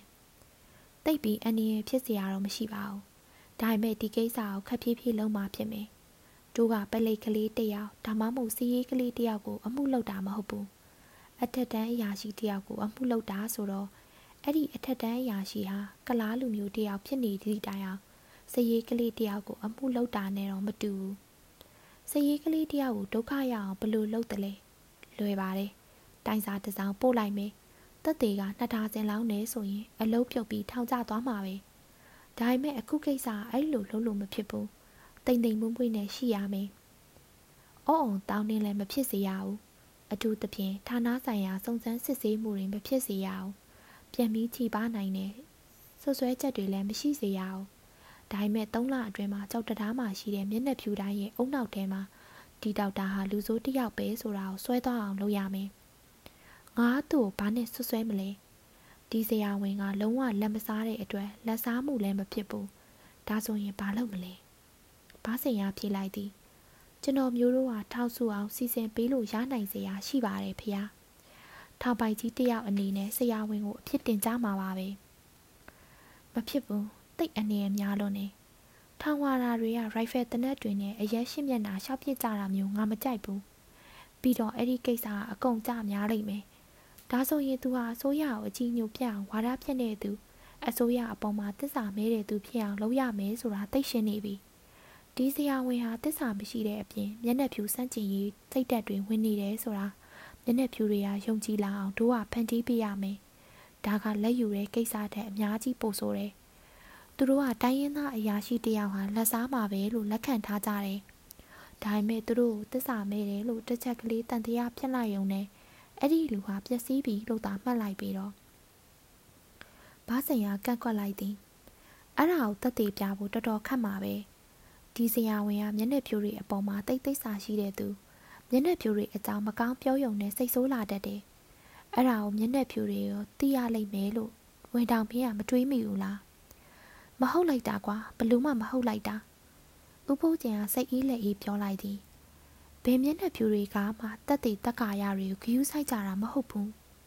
လူတယောက်ဟာအသားမဲတယ်ဆိုယုံနဲ့တန်တရားဟာတက်တည်အထောက်ထားပဲကွာပြစ်စာနည်းနည်းပို့လိုက်ရင်တိတ်ကိုထိရောက်သွားလိမ့်မယ်ဒိုးလို့ရမှာတက်ကတလေးလေးဆွဆွဲဖို့ပဲမျက်နှာဖြူတွေနဲ့ဆိုရင်အဲ့လိုလုပ်ရတယ်ကွာမျက်နှာဖြူတိုင်းစီကိုပြစ်စာတွေတစောင်းပြီးတစောင်းတလေးစီပို့ရမယ် အဲ့ဒါသူတို့ကတိတ်ကိုတန်တရားဖြစ်လာကြပြီဆိုရင်ဥပုပ်ကျင်သည်နောက်ဖက်တွင်ဖြစ်ထားသောပူတူတူလက်တစ်ဖက်ကိုရှေ့ဘက်သို့လွှဲလိုက်ပြီးလက်ဖြောက်တစ်ချက်တီးလိုက်သည်သူကဆက်ပြောလိုက်သည်တို့ကမြမမျိုးချစ်သတင်းစာတွေကဒီဆောင်မနဲ့အလုံးစားလုပ်ကြမယ်ဒီဆောင်မကိုမျက်နှာဖြူတွေဖတ်ကြတဲ့အခါအော်ကြီးဟစ်ကျဲလှုပ်တဲ့အတီဒေါသတွေဖြစ်ကြလိမ့်မယ်အဲ့ဒါနောက်တစ်ခွက်ကတော့အဲ့ဒီဆောင်မကိုရေးတာဆရာဝင်မယ်ဆိုတာယုံကြည်လာအောင်လုပ်ရလိမ့်မယ် မျက်နှာဖြူတွေထဲမှာသူ့မိတ်ဆွေတွေရှိနေရဆိုရင်အဲ့ဒီကိစ္စကခက်ပါလိမ့်မယ်သူတို့နေတိုင်းမကောင်းရင်သူ့စီကိုပဲအားလုံးသွားကြရတယ်အခုဆောင်းမတော့ကမစ္စတာမက်ဂရီကာရဲ့လေပွားတဲ့ယောဂကိုသူကူပေးခဲ့တာပဲသူတို့အားလုံးကဘာယာဆွာမီယာတိတ်တော်တဲ့ဆရာဝန်လို့လက်ခံထားကြကြောင်းကျွန်တော်မျိုးသိရပါတယ်ဖေ။ကိုပါစိန်မျက်နှာဖြူတွေရဲ့စိတ်နေသဘောတောင်မင်းသိမ့်မသိပဲဘူး။မျက်နှာဖြူတွေဘာယာဆွာမီကိုသွားကြတယ်ဆိုရင် ကြောက်ဖြူတတားမှာတခြားတောက်တာမရှိလို့ပဲဖြစ်ရမယ်။ဘယ်မျက်နှာဖြူမဆိုအသားမဲတဲ့သူတွေစီမှာလုံးဝအယုံကြည်မရှိကြဘူးပြစ်စာဘလောက်ထိပြည့်ရမလဲဆိုတာပဲအရေးကြီးပါတယ်ကွာသူ့ကိုခင်မင်းနဲ့မိတ်ဆွေတွေတရားမှမကြံအောင်တိတ်မကြခင်ငါကပဲကြည့်ပြီးစီမံလိုက်ပါမယ်ကိုပါစိန်ကပြောလိုက်သည်တစ်ကုံတဲ့မစ္စတာဖလိုရီရှိသေးတယ်ဖေ။သူကဒေါက်တာနဲ့တိတ်ပြီးရင်းနှီးတဲ့သူပဲ။သူကကြောက်တရားမှရှိနေတဲ့အချိန်ဆိုရင်ဒေါက်တာအိမ်ကိုနေ့တိုင်းသွားတာတွေ့ရပါတယ်။ သူကဒေါက်တာကိုဖိတ်ပြီးညစာတွေကျွေးတာနှစ်ခါရှိသွားပြီ။အေးဒီတခါမင်းပြောတာမှန်သွားပြီတကယ်လို့ဖလိုရီဟာဒေါက်တာရဲ့မိတ်ဆွေဆိုရင်အဲ့ဒါသူ့အန်တီရဲ့ပြုစရာအကြောင်းရှိရဲ့သူတို့ပြောလိပြောထားရှိတဲ့စကားအတုံးနှုံးကဘလို့ပါလဲဂုံတိတ်ခါတဲ့ဒါပေမဲ့ပြဿနာစပေါ်လာပြီဆိုရင်ဖလိုရီယာသူ့မိတ်ဆွေကိုခက်မြန်မြန်ဆွန့်ခွာသွားလိမ့်မယ်ဒီလိုဟာတိုင်းရင်းသားတွေအပေါ်မှာတစ္ဆာရှိတတ်တဲ့သူမျိုးတွေမဟုတ်ပါဘူး ပြီးတော့လဲဖလိုရီဟာလူကြောက်တယောက်ဆိုတာငါသိထားပါတယ်ငါဖလိုရီကိုအပိုင်ကိုင်းနိုင်ပါတယ်မင်းလုံးရမယ်အလောက်ကမက်ဂရီကာရဲ့လှုပ်ရှားမှုစောင့်ကြည့်ပေးဖို့ပဲကိုပါစိသူမကြသေးခင်ကတိုင်းမင်းကြီးစီကိုသွားပြီးအတွင်းစာရေးနေသေးသလားသူလွန်ခဲ့တဲ့နှစ်ရက်ကရေးသေးတယ်ဒါပေမဲ့ကျွန်တော်မျိုးတို့ကအဲ့ဒီစာကိုရင်နှွေးငွေနဲ့ဖွင့်ကြည့်လိုက်တဲ့အခါကျတော့တိတ်အရေးမကြီးတဲ့စာအုပ်တွေ့ရပါတယ်။ကောင်းပြီလေဒါဆိုရင် तू ရေးစရာရှိလာအောင်စီစဉ်ပေးရမှာပေါ့။ ပြီးတော့လေ तू ကဒေါက်တာကိုတန်တရားဖြစ်လာတာနဲ့တပြိုင်နက်မင်းကငါပြောထားတဲ့ဟိုကိစ္စအတွက်ချိန်ကောင်းမဲ့ပေါ့ကွာ။မက်ဂရီကပြောပုံမျိုးနဲ့ဆိုရင်ငါတို့ကခဲတလုံးနဲ့ငှက်နှကောင်ရအောင်ဖြစ်ကြတာပေါ့။ဥပိုးကျင်ကြီးရည်တမ်းမှာဝမ်ပိုက်တဲကလှိုက်၍လှိုက်၍တက်လာတော့ချောင်းမစိုးခင်တလိတ်ကက်နေသည့်အတန်ပမာယွန်စရာကောင်းလာပြီသည်တို့ရရင်သူ့ရည်တမ်းမှာခလေးဆန်လာသည်သားမကမြူးနေပုံပေါက်သည်သူသည်ထိုကိစ္စအကြောင်းဆက်မပြောပါ ထိုကိစ္စမှာဝရဏ၌ပင်မဆွေးနွေးသင့်သည်လျှို့ဝှက်အပ်သောကိစ္စဖြစ်သည်သူအားခေါ်ယူဆွေးနွေးရသည့်ကိစ္စမှာဆုံးခန်းတိုင်ပြီးဖြစ်ဖြစ်ကြောင်းနားလည်လိုက်သောဘာစိန်ကမတ်တက်ရက်ပြီးခက်တောင်းနောက်ဥညွန်လိုက်သည်ဝင်တော်မင်းတခြားခိုင်းစရာများရှိပါသေးသလားသူကမေးလိုက်သည်မစ္စတာမက်ဂရီကမြမမျိုးချစ်သတင်းစာကိုမတွေ့တွေ့အောင်လုပ်ပေးလိုက်ပါမင်းကလှဖေကိုဝမ်းကြိုက်တယ်လို့အကြောင်းကြားပြီးရုံးကခွင့်ယူခိုင်းလိုက် ငါသူ့ကိုဖြစ်စာတွေရေးစရာခိုင်းစရာရှိတယ်လောလောဆယ်မှာတော့ဒီလောက်ပါပဲဒါဖြင့်ကျွန်တော်ကိုခွင့်ပြုပါဝင်တော်မင်းမင်းကိုဖျားမားပါစေကွာဥဖိုးကျင်ကအမတ်တမဲ့ပြောလိုက်ပြီးဘာတိုက်အားချက်ချင်းလှမ်းခေါ်လိုက်ပြန်သည်ဥဖိုးကျင်သည်တနေ့လုံးလုံးအခြေုံလုံးဝဖြုံးသူမဟုတ်ပါသူသည်ဧည့်သည်များခက်မြမြန်တွေးလိုက်သည်ထို့နောက်တောသူမာလီမျက်နှာကိုစိတ်စိတ်ဆက်ဆက်ကြည့်လိုက်ပြီးသည်နောက်ထိုမိန်ကလေးအားသူမမှတ်မိကြောင်းပြောပြီးတပြားမှမပေးဘဲပြန်လွှတ်လိုက်သည် ယခုမနက်စာစားရင်အချိန်ကြာရောက်လာလေပြီမနက်တိုင်းယခုအချိန်တွင်မမှန်ဒုက္ခပေးလေးရှိသောစာလောင်မှုသိမ့်မှုကြောင့်ဖြစ်ပေါ်လာသည့်ဝေဒနာသူဝမ်ပိုက်ကိုဒုက္ခပေးစာပြုလေပြီသူကကမန်းကနန်းနဲ့လှမ်းခေါ်လိုက်သည်ဘာတိုက်ဟေ့ဘာတိုက်ခင်ခင်ငါမနှက်စာကိုခက်မြန်မြန်လေးပြင်ပေးကြစမ်းကွာငါတိတ်စာနေပြီခန်းစည်းနောက်ဘက်ဧကန်ထဲတွင်ထမင်းစလုံးကြီးတစ်လုံးဟင်းများ ပဇွန်ကြော်နှင့်တရက်သီးစိမ်များထည့်ထားသောပကံပြားတဒါစင်တင်ထားသည်စပွဲတစ်လုံးခင်းချင်းပြင်ဆင်နေကြသည်ဥဖိုးကျင်သည်စပွဲစီသို့လိန်ဖဲလိန်ဖဲနှင့်သွားပြီးသည်နောက်ပါဇက်ကတအေးအေးအတန်ပြူ၍ထိုင်ချလိုက်ကထမင်းကိုချက်ချင်းစားတော်သည်သူဇနီးမက်ခင်ကသူ့နောက်ကမတ်တက်ရရင်သူ့ကိုပြုစုပေးနေလေသည်မက်ခင်သည်အသက်45နှစ်ရှိပြီပိန်ပိန်ပါပါအသားလက်လက်နဲ့ကျင်နာတတ်သူမျိုးသမီးတစ်ယောက်ဖြစ်သည် ဥဖိုးကျင်သည်ထမင်းစားနေစဉ်မက်ခင်ကိုလုံးဝဂိမ်းမဆိုင်ချေသူသည်ထမင်းပကံပေါ်သို့ခေါင်းကိုနီးကပ်စွာငုံရင်းအသက်ခန့်ပြင်းပြင်းရှူ၍ပေကြံနေသောလက်ချောင်းများနှင့်ထမင်းကိုပလုတ်ပလောင်စားနေသည်သူသည်ထမင်းစားတိုင်းခက်မြန်မြန်နဲ့မမတ်မောမောစားလိရှိသည်တာမကတနင်တမိုးစားတတ်ပြီးသည်စားတော့ပြီးစီးသွားသောအခါကျုံးမိ၍ထိုင်လိုက်ပြီးလေးငါးချိန်လေ့ကျင့်တက်လိုက်သည်ထို့နောက်စေးပြင်းလိတ်တလိတ်ကိုမက်ခင်ကယူခိုင်းလိုက်လေသည် သူသည်အင်္ဂလိပ်စီကရက်ကိုမြည်သည့်အခါမှတောက်လီမရှိပါ အရသာမရှိဟုဆိုသည်ဥဖိုးကျင်သည်ဘာသာ၏အကူအညီဖြင့်ရှုံတက်ရာတွင်ဝစ်စင်သောဝစ်စားများကိုဝစ်သည်ထို့နောက်အေကန်တဲရှိရှေ့လျားသောမှန်ကြီးရှေတွင်ခက်တရက်တန်ပြီးမိမိကိုယ်ကိုဂုံယူစွာကြည့်လိုက်သည်ထိုအခန်းမှာပြင်ကာထားသောအခန်းဖြစ်ပြီးအမိုးကိုကျွန်းတိုင်ကြီးနှစ်တိုင်ဖြင့်အောက်ကထောက်ပေးထားသည်ထိုအခန်းကိုဥပိုးကျင်ကပါလစ်တုတ်ထားသောဘီဒိုများ ကလတ်တိုင်များပုံနှိပ်ထားသောဘရင်မိသားစုရုပ်ပုံကားများနှင့်မိသက်စီဘူးတပူးတို့ဖြင့်ဘိုးဆန်ဆန်ပြင်ဆင်ထားသည့်တိုင်အောင်ထိုအခန်းသည်မြမအခန်းများနေတူမသေးမသက်နှင့်မှောင်နေစေပင်ကျမ်းပေါ်တွင်ထုံးများနှင့်ကုန်းသွေးများပေးကျန်နေသောဝါးဖြာများလည်းခင်းထားသည်မက်ခင်သည်အခန်းတောင်ရှိဖြာပေါ်တွင်ထိုင်ရင်အင်ကြီးတထဲကိုချုပ်နေသည်ဥဖိုးကျင်သည်ကျူကြောဘက်ကိုတစီတစောင်းမြေအောင်မှန်ရှိတွင်ရက်၍နောက်ဘက်သို့လှည့်ကြည့်ရန်ကြိုးပမ်းနေသည် သူသည်ပန်းရောင်ပိုးသားကောင်းပေါကော်တင်ထားသောပိတ်ချောအင်ကြီးပန်းရောင်ပေါ်တွင်အဝါရောင်ပန်းဖောက်ထားသောမန္တလေးအချိတ်ပစိုးတို့ကိုဝတ်ဆင်ထားသည်သူသည်ကြီးမားလာသောသူ့တင်ပါပေါ်တွင်တင်းတင်းရင်းရင်းနဲ့ပြောင်ပြောင်လဲလဲရှိနေသောပစိုးကိုမြင်ရအောင်ကြိုးစားပန်းစားနောက်ပြန်လှည့်ကြည့်ရင်းနဲ့ပီတိဖြစ်နေသည်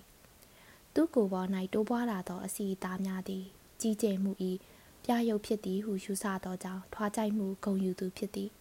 တစ်ချိန်ကဆင်းရဲငါပြက်နေခဲ့သောသူသည် ယခုအချိန်တွင်ချမ်းသာဝါဖြိုပြီးအခြားသူများကကြောက်လန့်ရသူတူဖြစ်နေလေသည်သူကလမ်းပြောလိုက်သည်ဟဲ့ခင်ခင်ငါပစိုးအစ်စ်က22ရူပီပဲပေးရတယ်ဆိုတော့တတ်တာတာပေါ့နော်မက်ခင်သည်ခေါင်းငုံပြီးအင်ကြီးချုပ်နေသည်သူမသည်ရိုးသားပြီးရှိကြသူတူဖြစ်သည်ဥဖိုးကျင်ကဲ့သို့မျက်နှာဖြူတို့၏ဇယိုက်ကိုသဘောတွေ့သူမဟုတ်မက်ခင်သည်ကလတ်ထိုင်ပေါ်တွင်စိတ်ရှိရှိထိုင်တတ်သူမဟုတ်ပါမက်ခင်သည်တောသူတယောက်ကဲ့သို့ပင် ဈေးချင်းနှောင်းရွရွမနက်တိုင်းဈေးသွားလေးရှိသည်ညနေပိုင်းတွင်လည်းမြို့၏ကြက်တီရီဆောင်ထုံဖြူဖြူတုတ်ထားသည့်ဖျားကို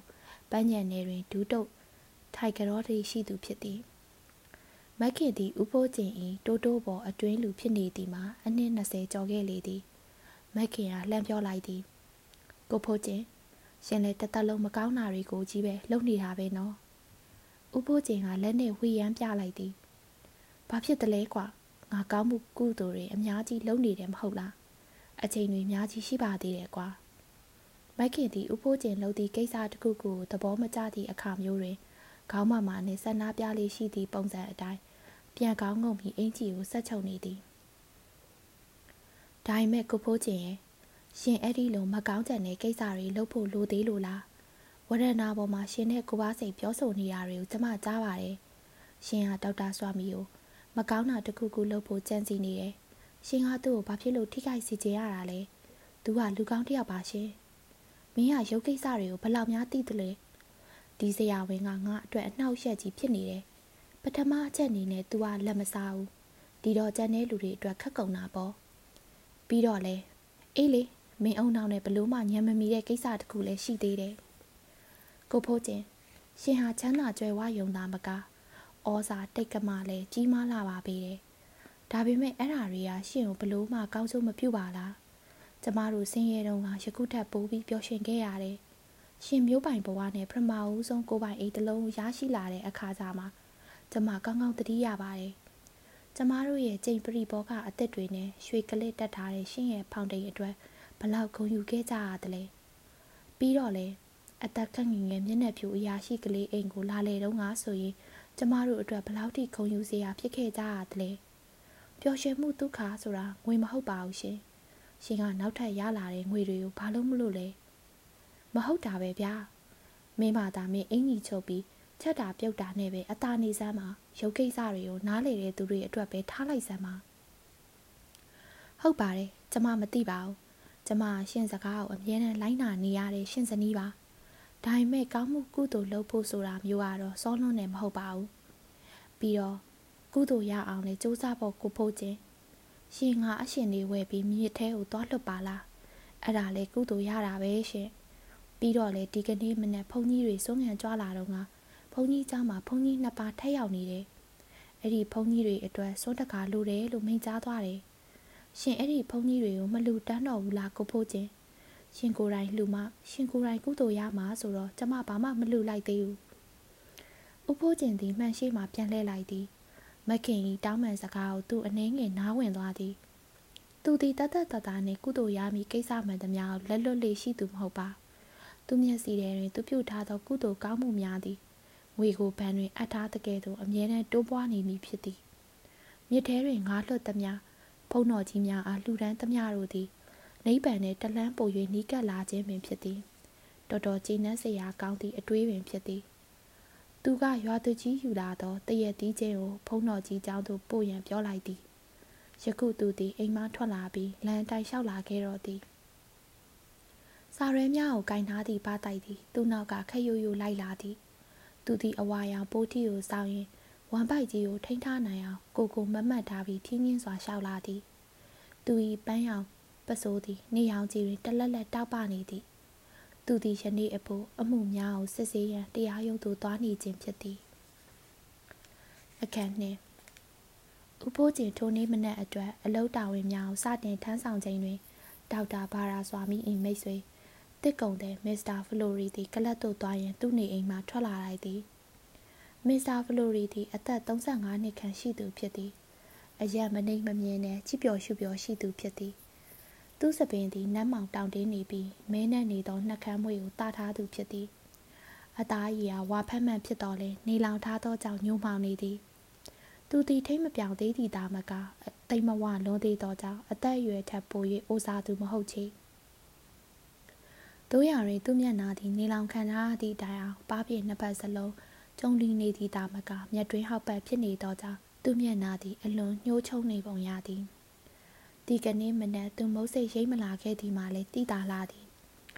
သူသည်ထုံးစံအတိုင်းရှက်အင်းကြီးဖြူကာကီပေါင်းမီတို့နဲ့ခြေအိတ်ရှည်တို့ဝစ်ဆင်ထားတော်လဲ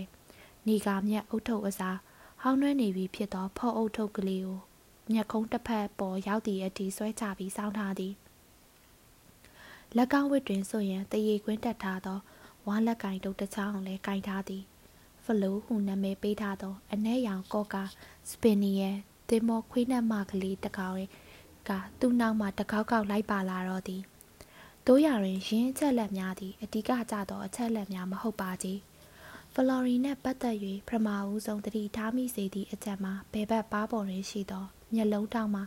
နှကန်းတောင်အထိအကြည့်ရဆိုးလာသည့်လာကျန်းတတံဝေးရပါအမတ်ကြီးဖြစ်သည်သူမျက်နှာကိုဘယ်ဘက်မှကြည့်မည်ဆိုပါကအပြာရေးရောင်အမတ်ကြီးသည် အမာယိုကြီးနှင့်တူလာသောကြောင့်သူမျက်နှာကိုတရားကြီးကြီးကျယ်ကျယ်ရရှိထားသောတနာစရာမျက်နှာတစ်ခုပမာမြင်ကြရလိမ့်မည်သူသည်ထိုအမတ်ကြီး၏ကြောက်စရာကောင်းမှုနားလေသဘောပေါက်ထားသူဖြစ်သည်ထို့ကြောင့်သူတူတဲ့မနေရသည့်အချိန်မျိုးတွင်သူသည်မွေးရပါအမတ်ကြီးကိုလူမမြအောင်အမြဲတမ်းစူးစမ်းဖုံးကွယ်နေရသောကြောင့်သူ၏လှုပ်ရှားမှုမှန်သမျှသည်ဘေးတက်ဆောင်ကြီးသာဖြစ်နေလေရှိသည်ဖလော်ရီနေအိမ်သည် မိုင်တန်စင်ရေးပြကွင်းကွင်းထိပ်ရှိတစ်တော်ဆက်တွင်ရှိနေသည်မိုင်တန်ကွင်းကြီးသည်ဂိဝါမှစ၍တဖြည်းဖြည်းနှိမ်ဆင်းသွားသည်နေလောင်ထားသောမြေကြီးအယောင်သည်ကာကီရောင်ပေါက်နေပြီးတလက်လက်တောက်နေသောအဖြူရောင်တုတ်ထားသောဘန်ကလို6လုံးသည်လည်းမိုင်တန်ကွင်းပတ်လည်တွင်ပြန့်ကျဲစွာတည်ရှိနေသည်တောင်ကုန်းစင်ချေလျှော်၏တဝက်လောက်တွင်တရားဖြူခတ်ထားသောမျက်နှာဖြူတင်းကြိုက်တစ်ခုရှိသည်ထိုတင်းကြိုက်နှစ်ပေတွင်တုံမိုးထားသောဖျားเจ้าတစ်ကြောင်ရှိသည် ထိုဘုရားကျောင်းဤဟိုဘက်မှညနေဖြူများကိုသာအတင်းသားဖြင့်လက်ခံသောကလပ်အဆောက်အုံတည်ရှိသည်တထက်သေးသာရှိသောခနှိမ့်နှိမ့်ထိုသစ်သားအဆောက်အုံကိုလှမ်းကြည့်ခြင်းသည်ထိုမျိုးကလေးတကယ်အချက်အချာနေရာကိုကြည့်နေရခြင်းပင်ဖြစ်ပေသည်အိန္ဒိယနိုင်ငံမြို့တိုင်းတွင်ရှိသောမျက်နှာဖြူကလပ်များသည်ဗြိတိရှာလူမျိုးဖုံးတကိုးအာဏာရှင်များအမှန်တကယ်ရုံးဆိုင်ရာဌာနများပင်ဖြစ်သည် ထိုကလပ်များသည်တိုင်းရင်းသားအရာရှိများနှင့်တတိတကြွယ်များအတွက်လောကနိဗ္ဗာန်ဖြစ်ပြီး၎င်းတို့ဟာအသင်းသားအဖြစ်ပါဝင်ခွင့်ရရှိရန်အထူးတလေကြိုးပမ်းနေကြတော့လေဝင်ခွင့်မရကြသောနေရာများတွင်ဖြစ်ပေသည်ယခုဤကလပ်သည်လည်းထိုနည်း၎င်းပင်ဖြစ်သည်အပေချောင်းဆိုသောကြောက်တရားကလပ်သည်မြန်မာနိုင်ငံရှိမျက်နှာဖြူကလပ်များထဲတွင်အရှိတိုင်းတိုင်းသားများကိုမြည်သည့်အခါကားမှဝင်ခွင့်မပြုခဲ့သောကလပ်ဖြစ်သည်ဟု ဂုံယူကြွားဝင်စွာပြောလေပြောထားရှိသောကြောင့်ပင်ဖြစ်သည်ထိုကလပ်အဆောက်အုံကိုကြော်လွန်သောအေယာဝတီမြစ်ကြီးသည်တစိမ့်စိမ့်စီးဆင်းနေပြီးနေရောင်ကြီးနှင့်ထိတွေ့သောနေရာများတွင်စိန်ပွေ့များလိုတလက်လက်တောက်ပနေလေသည်မြစ်ကြီးဟိုဘက်မှလေကွင်းများသည်ညွညွဆိုင်ဆိုင်ဖြစ်နေသောတောင်ကြီးအထိပြန့်ပြန့်ပြူပြူရှိနေကြလေသည်ဒေသခံတိုင်းရင်းသားများနေထိုင်ရာမြို့ကလေးများနှင့် တရားရုံးအဆောက်အုံများအကျဉ်းတောင်စသည်တို့သည်ညာဘက်တွင်ရှိပြီးအများစုကညောင်ပင်အုပ်များကာကွယ်ထားသည်စေဒီတော်မှထီးတော်ချွညွန့်သည်ရွှေချထားသောလှန်သွားပမာတစ်ပေများပေါ်မှပေါ်ထွက်နေလေသည်ကြောက်တရားမြုပ်ကလေးသည် မာကိုပိုလိုခင်မှ1910ပြည့်နှစ်အထိထူးထူးခြားခြားပြောင်းလဲမှုမရှိခဲ့သော အထက်မြန်မာနိုင်ငံမှမြို့ကလေးတစ်မြို့ဖြစ်သည်ထိုမြို့ကလေးတွင်မြည်ရထားလမ်းဆုံးဘူတာ ယုံတာမရှိဟုဆိုပါကဤမြို့သည်အလေခေတ်တွင် ရာစုနှင့်တစ်ခေတ်လောက်အထိအိပ်ပျော်နေအောင်မည်မြို့ဖြစ်သည်1910ပြည့်နှစ်တွင် အစိုးရကခရိုင်တရာဤရုံးဆိုင်ရာမြို့အဖြစ်သတ်မှတ်ပေးလိုက်သည်ဤတွင်တိုးတက်မှု၏ပြရုပ်အဖြစ်တရားရုံးများကိုစောက်ပေးရာ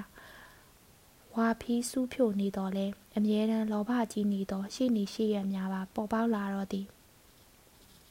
ဈေးရုံတရုံနှင့်စာတင်ကြောင်တကြောင် ဂျီဘရော်ဒါနှင့်ဟောင်ကောင်မြို့အကြားတွင်ဗြိတိရှလူမျိုးများစောက်လိရှိသောကြာရှည်ခံပြီးအကျဉ်းတောင်တစ်ခုစတင်ပေါ်ပေါက်လာခဲ့သည်လူဦးရေမှာအိန္ဒိယလူမျိုး200-300ခန့်တရုတ်450နဲ့ဥရောပတိုက်သား9ယောက်အပါအဝင်စုစုပေါင်း4000ခန့်ရှိသည်၎င်းပြင်မစ္စတာဖရန့်စစ်နှင့်မစ္စတာဆင်မြူရယ်တို့ဆိုသောဥရောပအာရှကပြားနှစ်ယောက်လည်းရှိပေသည်ထိုနှစ်ယောက်သည်အမေရိကန်ဘပ်တစ်ဘာသာ ပြုပုဂ္ဂိုလ်နှင့်ရိုမန်ကက်သလစ်သာသနာပြုပုဂ္ဂိုလ်တို့မှမွေးဖွားလာကြသူများဖြစ်သည်ထိုမျိုးတွင်ဈေးနာရှိတစ်ပင်များပေါ်၌အနှစ်20လုံးလုံးနေထိုင်ပြီးနနက်တိုင်းစားစရာများကိုတစ်ပင်ပေါ်သို့ဆွဲတင်၍ယူလေးရှိသောအိန္ဒိယလူမျိုးဖာကီဖုံးတော်ကြီးတပားကလွဲရင်တူတူကြကြပြစရာလုံးဝမရှိကြဖလိုရီတီတတန်းတန်းတဝေဝေနှင့်ခိဝါမှထွက်လာသည် သူသည်လွန်ခဲ့သောညအရက်မူးခဲ့လေရာ ယခုတောက်ပလာသောနေအောင်ကြီးကြောင့်မအီမသာဖြစ်နေသည်သူသည်တောင်ကုန်းကလေး၏အောက်ခြေသို့လှမ်းမြော်ကြည့်ရင်တော်တော်ကိုမကောင်းတဲ့အရက်ဒေတာပဲဟုစိတ်ထဲအားတွေးလိုက်သည်သူ့ဘေးနာတွင် ခွေးမကလေးဖလိုမအပါတခြားမည်သူတယောက်မှမရှိသဖြင့်တချင်းတပုတ်ကိုတီးဆိုရင်ချစ်ချစ်တောက်ပူပြင်းသောလမ်းတိုင်းဆင်းလျှောက်လာတော့သည်သူသည်ချောက်သွေ့နေသောမျက်ပင်များကိုလက်ကင်တုံးနှင့်ရိုက်လာခဲ့သည် နက်နက်9နာရီထိုးလူဖြစ်သဖြင့်နေပူရှိန်သည်မိနစ်တိုင်းပို၍ပူပြင်းလာသည်ဦးကောင်းကိုခေါင်းနှင့်မှန်မှန်အထုခံရသည့်ပမာအပူရှိန်ကြောင့်သူ့ဦးကောင်းသည်တတိတ်တိတ်နှင့်ခုန်နေသည်ဖလော်ရီတီကလတ်သေးသို့ဝင်ရကောင်းနိုနိုဒေါက်တာဘာယာဆွာမီနှင့်တွေ့ရန်ထိုလန်းအတိုင်းဆက်လျှောက်ရကောင်းနိုနိုနှင့်ဝေခွဲ၍မရသောကြောင့်ကလတ်ခိဝါတွင်ရပ်တန့်လိုက်သည်ထို့နောက်ထိုနေ့သည်မျက်နှာဖြူများအတွက်စာများရောက်ရှိလာတတ်သောနေ့ဖြစ်ကြောင်းသူသတိရလိုက်သည် တည်င်းစာများရောက်လာပေလိမ့်မည်သူသည်ကျဲပွင့်တန်တန်ခရမ်းရောင်တိုင်ကက်ပန်းများပွင့်နေသောຫນွေပင်များအုပ်ဆိုင်နေမှုကြောင့်အစမတန်ကြီးမားနေသောတန်နစ်ကွစ်စကားကွင်း၏နောက်ဘက်မှတစ်သားလိုက်ကာကြီးကိုကြော်ပြက်ကအတွင်းဘက်သို့ဝင်လာခဲ့သည်လမ်းဘေးဝဲရာတွင်နေအောင်ကြီးနှိပ်စက်မှုတံကိုရီရီလဲလဲမခံရသေးသောတရက်ထဲပန်းစာကလေးပန်းပင်ပန်းကျင်ပေါင်းနဲ့ခေါင်းလောင်ပန်းစသောအင်္ဂလိပ်ပန်းပွင့်များသည်အရာအသွေးစုံလင်းစွာဖြင့်ဖူးပွင့်နေကြသည် ခေါင်းလောင်ပန်းပင်များသည်တစ်ပင်ကြီးများတမျှကြီးမားလာပေသည်ဤကလတ်တွင်မျက်ပင်ကင်းမရှိပါထီကြီးများကဲ့သို့ရရဲနေအောင်ဖူးပွင့်နေသောစိတ်မန်းပင်ကြီးများပန်းရောင်တရုပ်စကားပင်များမယမ်းရောင်စက်ကူပန်းပင်များကြက်သွေးရောင်ခေါင်ရမ်းပန်းပင်များပန်းရောင်တရုပ်နှင်းစီပန်းပင်များ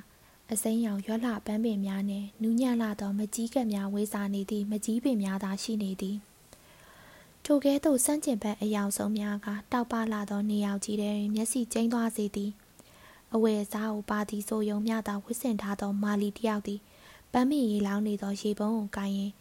ဥယျင်ကြီးထဲ၌ရှောက်သွားနေလေရာဝိဟီကိုတောက်သုံးနေသည့်ငှက်ကြီးတကောင်ပန်းညံထဲမှလှုပ်ရှားနေသည်နှင့်ပဲတူနေပေသည်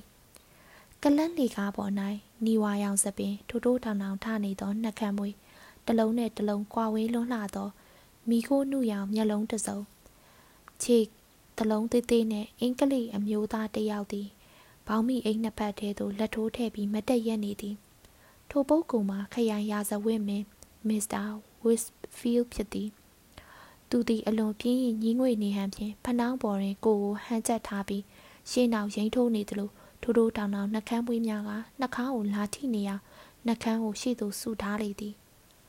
သူစကားပြောပုံပြောနည်းမှာစစ်သားဆန်ဆန်ပြက်ပြက်တန်းတောင်ရှိလာသည် သူပြောသမျှစကားတိုင်းသည်ပြက်လုံးထုတ်ရန်ရည်ရွယ်ထားတော်လဲသူ့အတန်ဒီအတန်ထားမှာ၆ကက်ကက်နဲ့လွမ်းစရာပင်ကောင်းနေသေးသည်ဟယ်လိုငါလူဖလော်ရီတိတ်ဆိုးတဲ့မနက်ခင်းမဲ့နော်ဟုတ်တယ်မလားဒီလိုရာသီမျိုးမှာဒီလိုဖြစ်မှာပဲလို့မျှော်လင့်ထားလိမ့်မယ်ထင်တာပဲဖလော်ရီယာပြန်ပြေးလိုက်သည်သူ့ဘားပြင်ပေါ်ကမွေးရပါအမတ်ကြီးကဝက်စ်ဘီမမြင်အောင်ကိုကိုဘေးသို့လှည့်ထားလေသည်ဟုတ်တယ်ချီးမှာပဲ ဒီလိုလာမျိုးဟာတစ်နှစ်မှာ2လ3လတောင်ရှိရဲ့မနစ်ကဆိုရင်ဇွန်လအတီမိုးတစ်စမ်းမှမရွာဘူးကောင်းကင်ကိုလည်းကြည်စမ်းပါအောင်ကွာတိမ်တစမ်းမှမရှိဘူးကျွေရည်တုတ်ထားတဲ့ပကံပြပြကြီးတစ်ချက်ကျနေတာပဲဖះဖះအခုချိန်ပီကာဒီလီကိုပြန်ရောက်မယ်ဆိုရင်မေးဘာမဆိုပုံအောပြီးပေးမှာပဲမဟုတ်လားအင်္ဂလိပ်သတင်းစာတွေရောက်ပြီလားရောက်ပြီဘန့်ပင်ကန်နဲ့ပါရီစင်နီအဲ့ဟာတွေဖတ်ရတာကိုစာတီကိုတိတ်လွမ်းတာပဲ ဟုတ်တယ်မဟုတ်လားကဲရေခဲတွေကုန်မသွားအောင်အထဲထဲဝင်ပြီးရမကာလေးပါလေးတောက်ကြအောင်လက်ကစတင်းကတော့ရမကာတဲကိုဝင်စိန်ပြီးရေတောင်ချိုးနေပြီအချင်းပေါက်လောက်ပြီးထင်ပါရဲ့သူတို့နှစ်ယောက်အထဲသို့ဝင်သွားကြသည်ကလပ်အတွင်းဘက်ကိုကျွန်းသားများနှင့်ကာရန်ထားပြီးရေနံကြီးစော်နှံ့နှသည်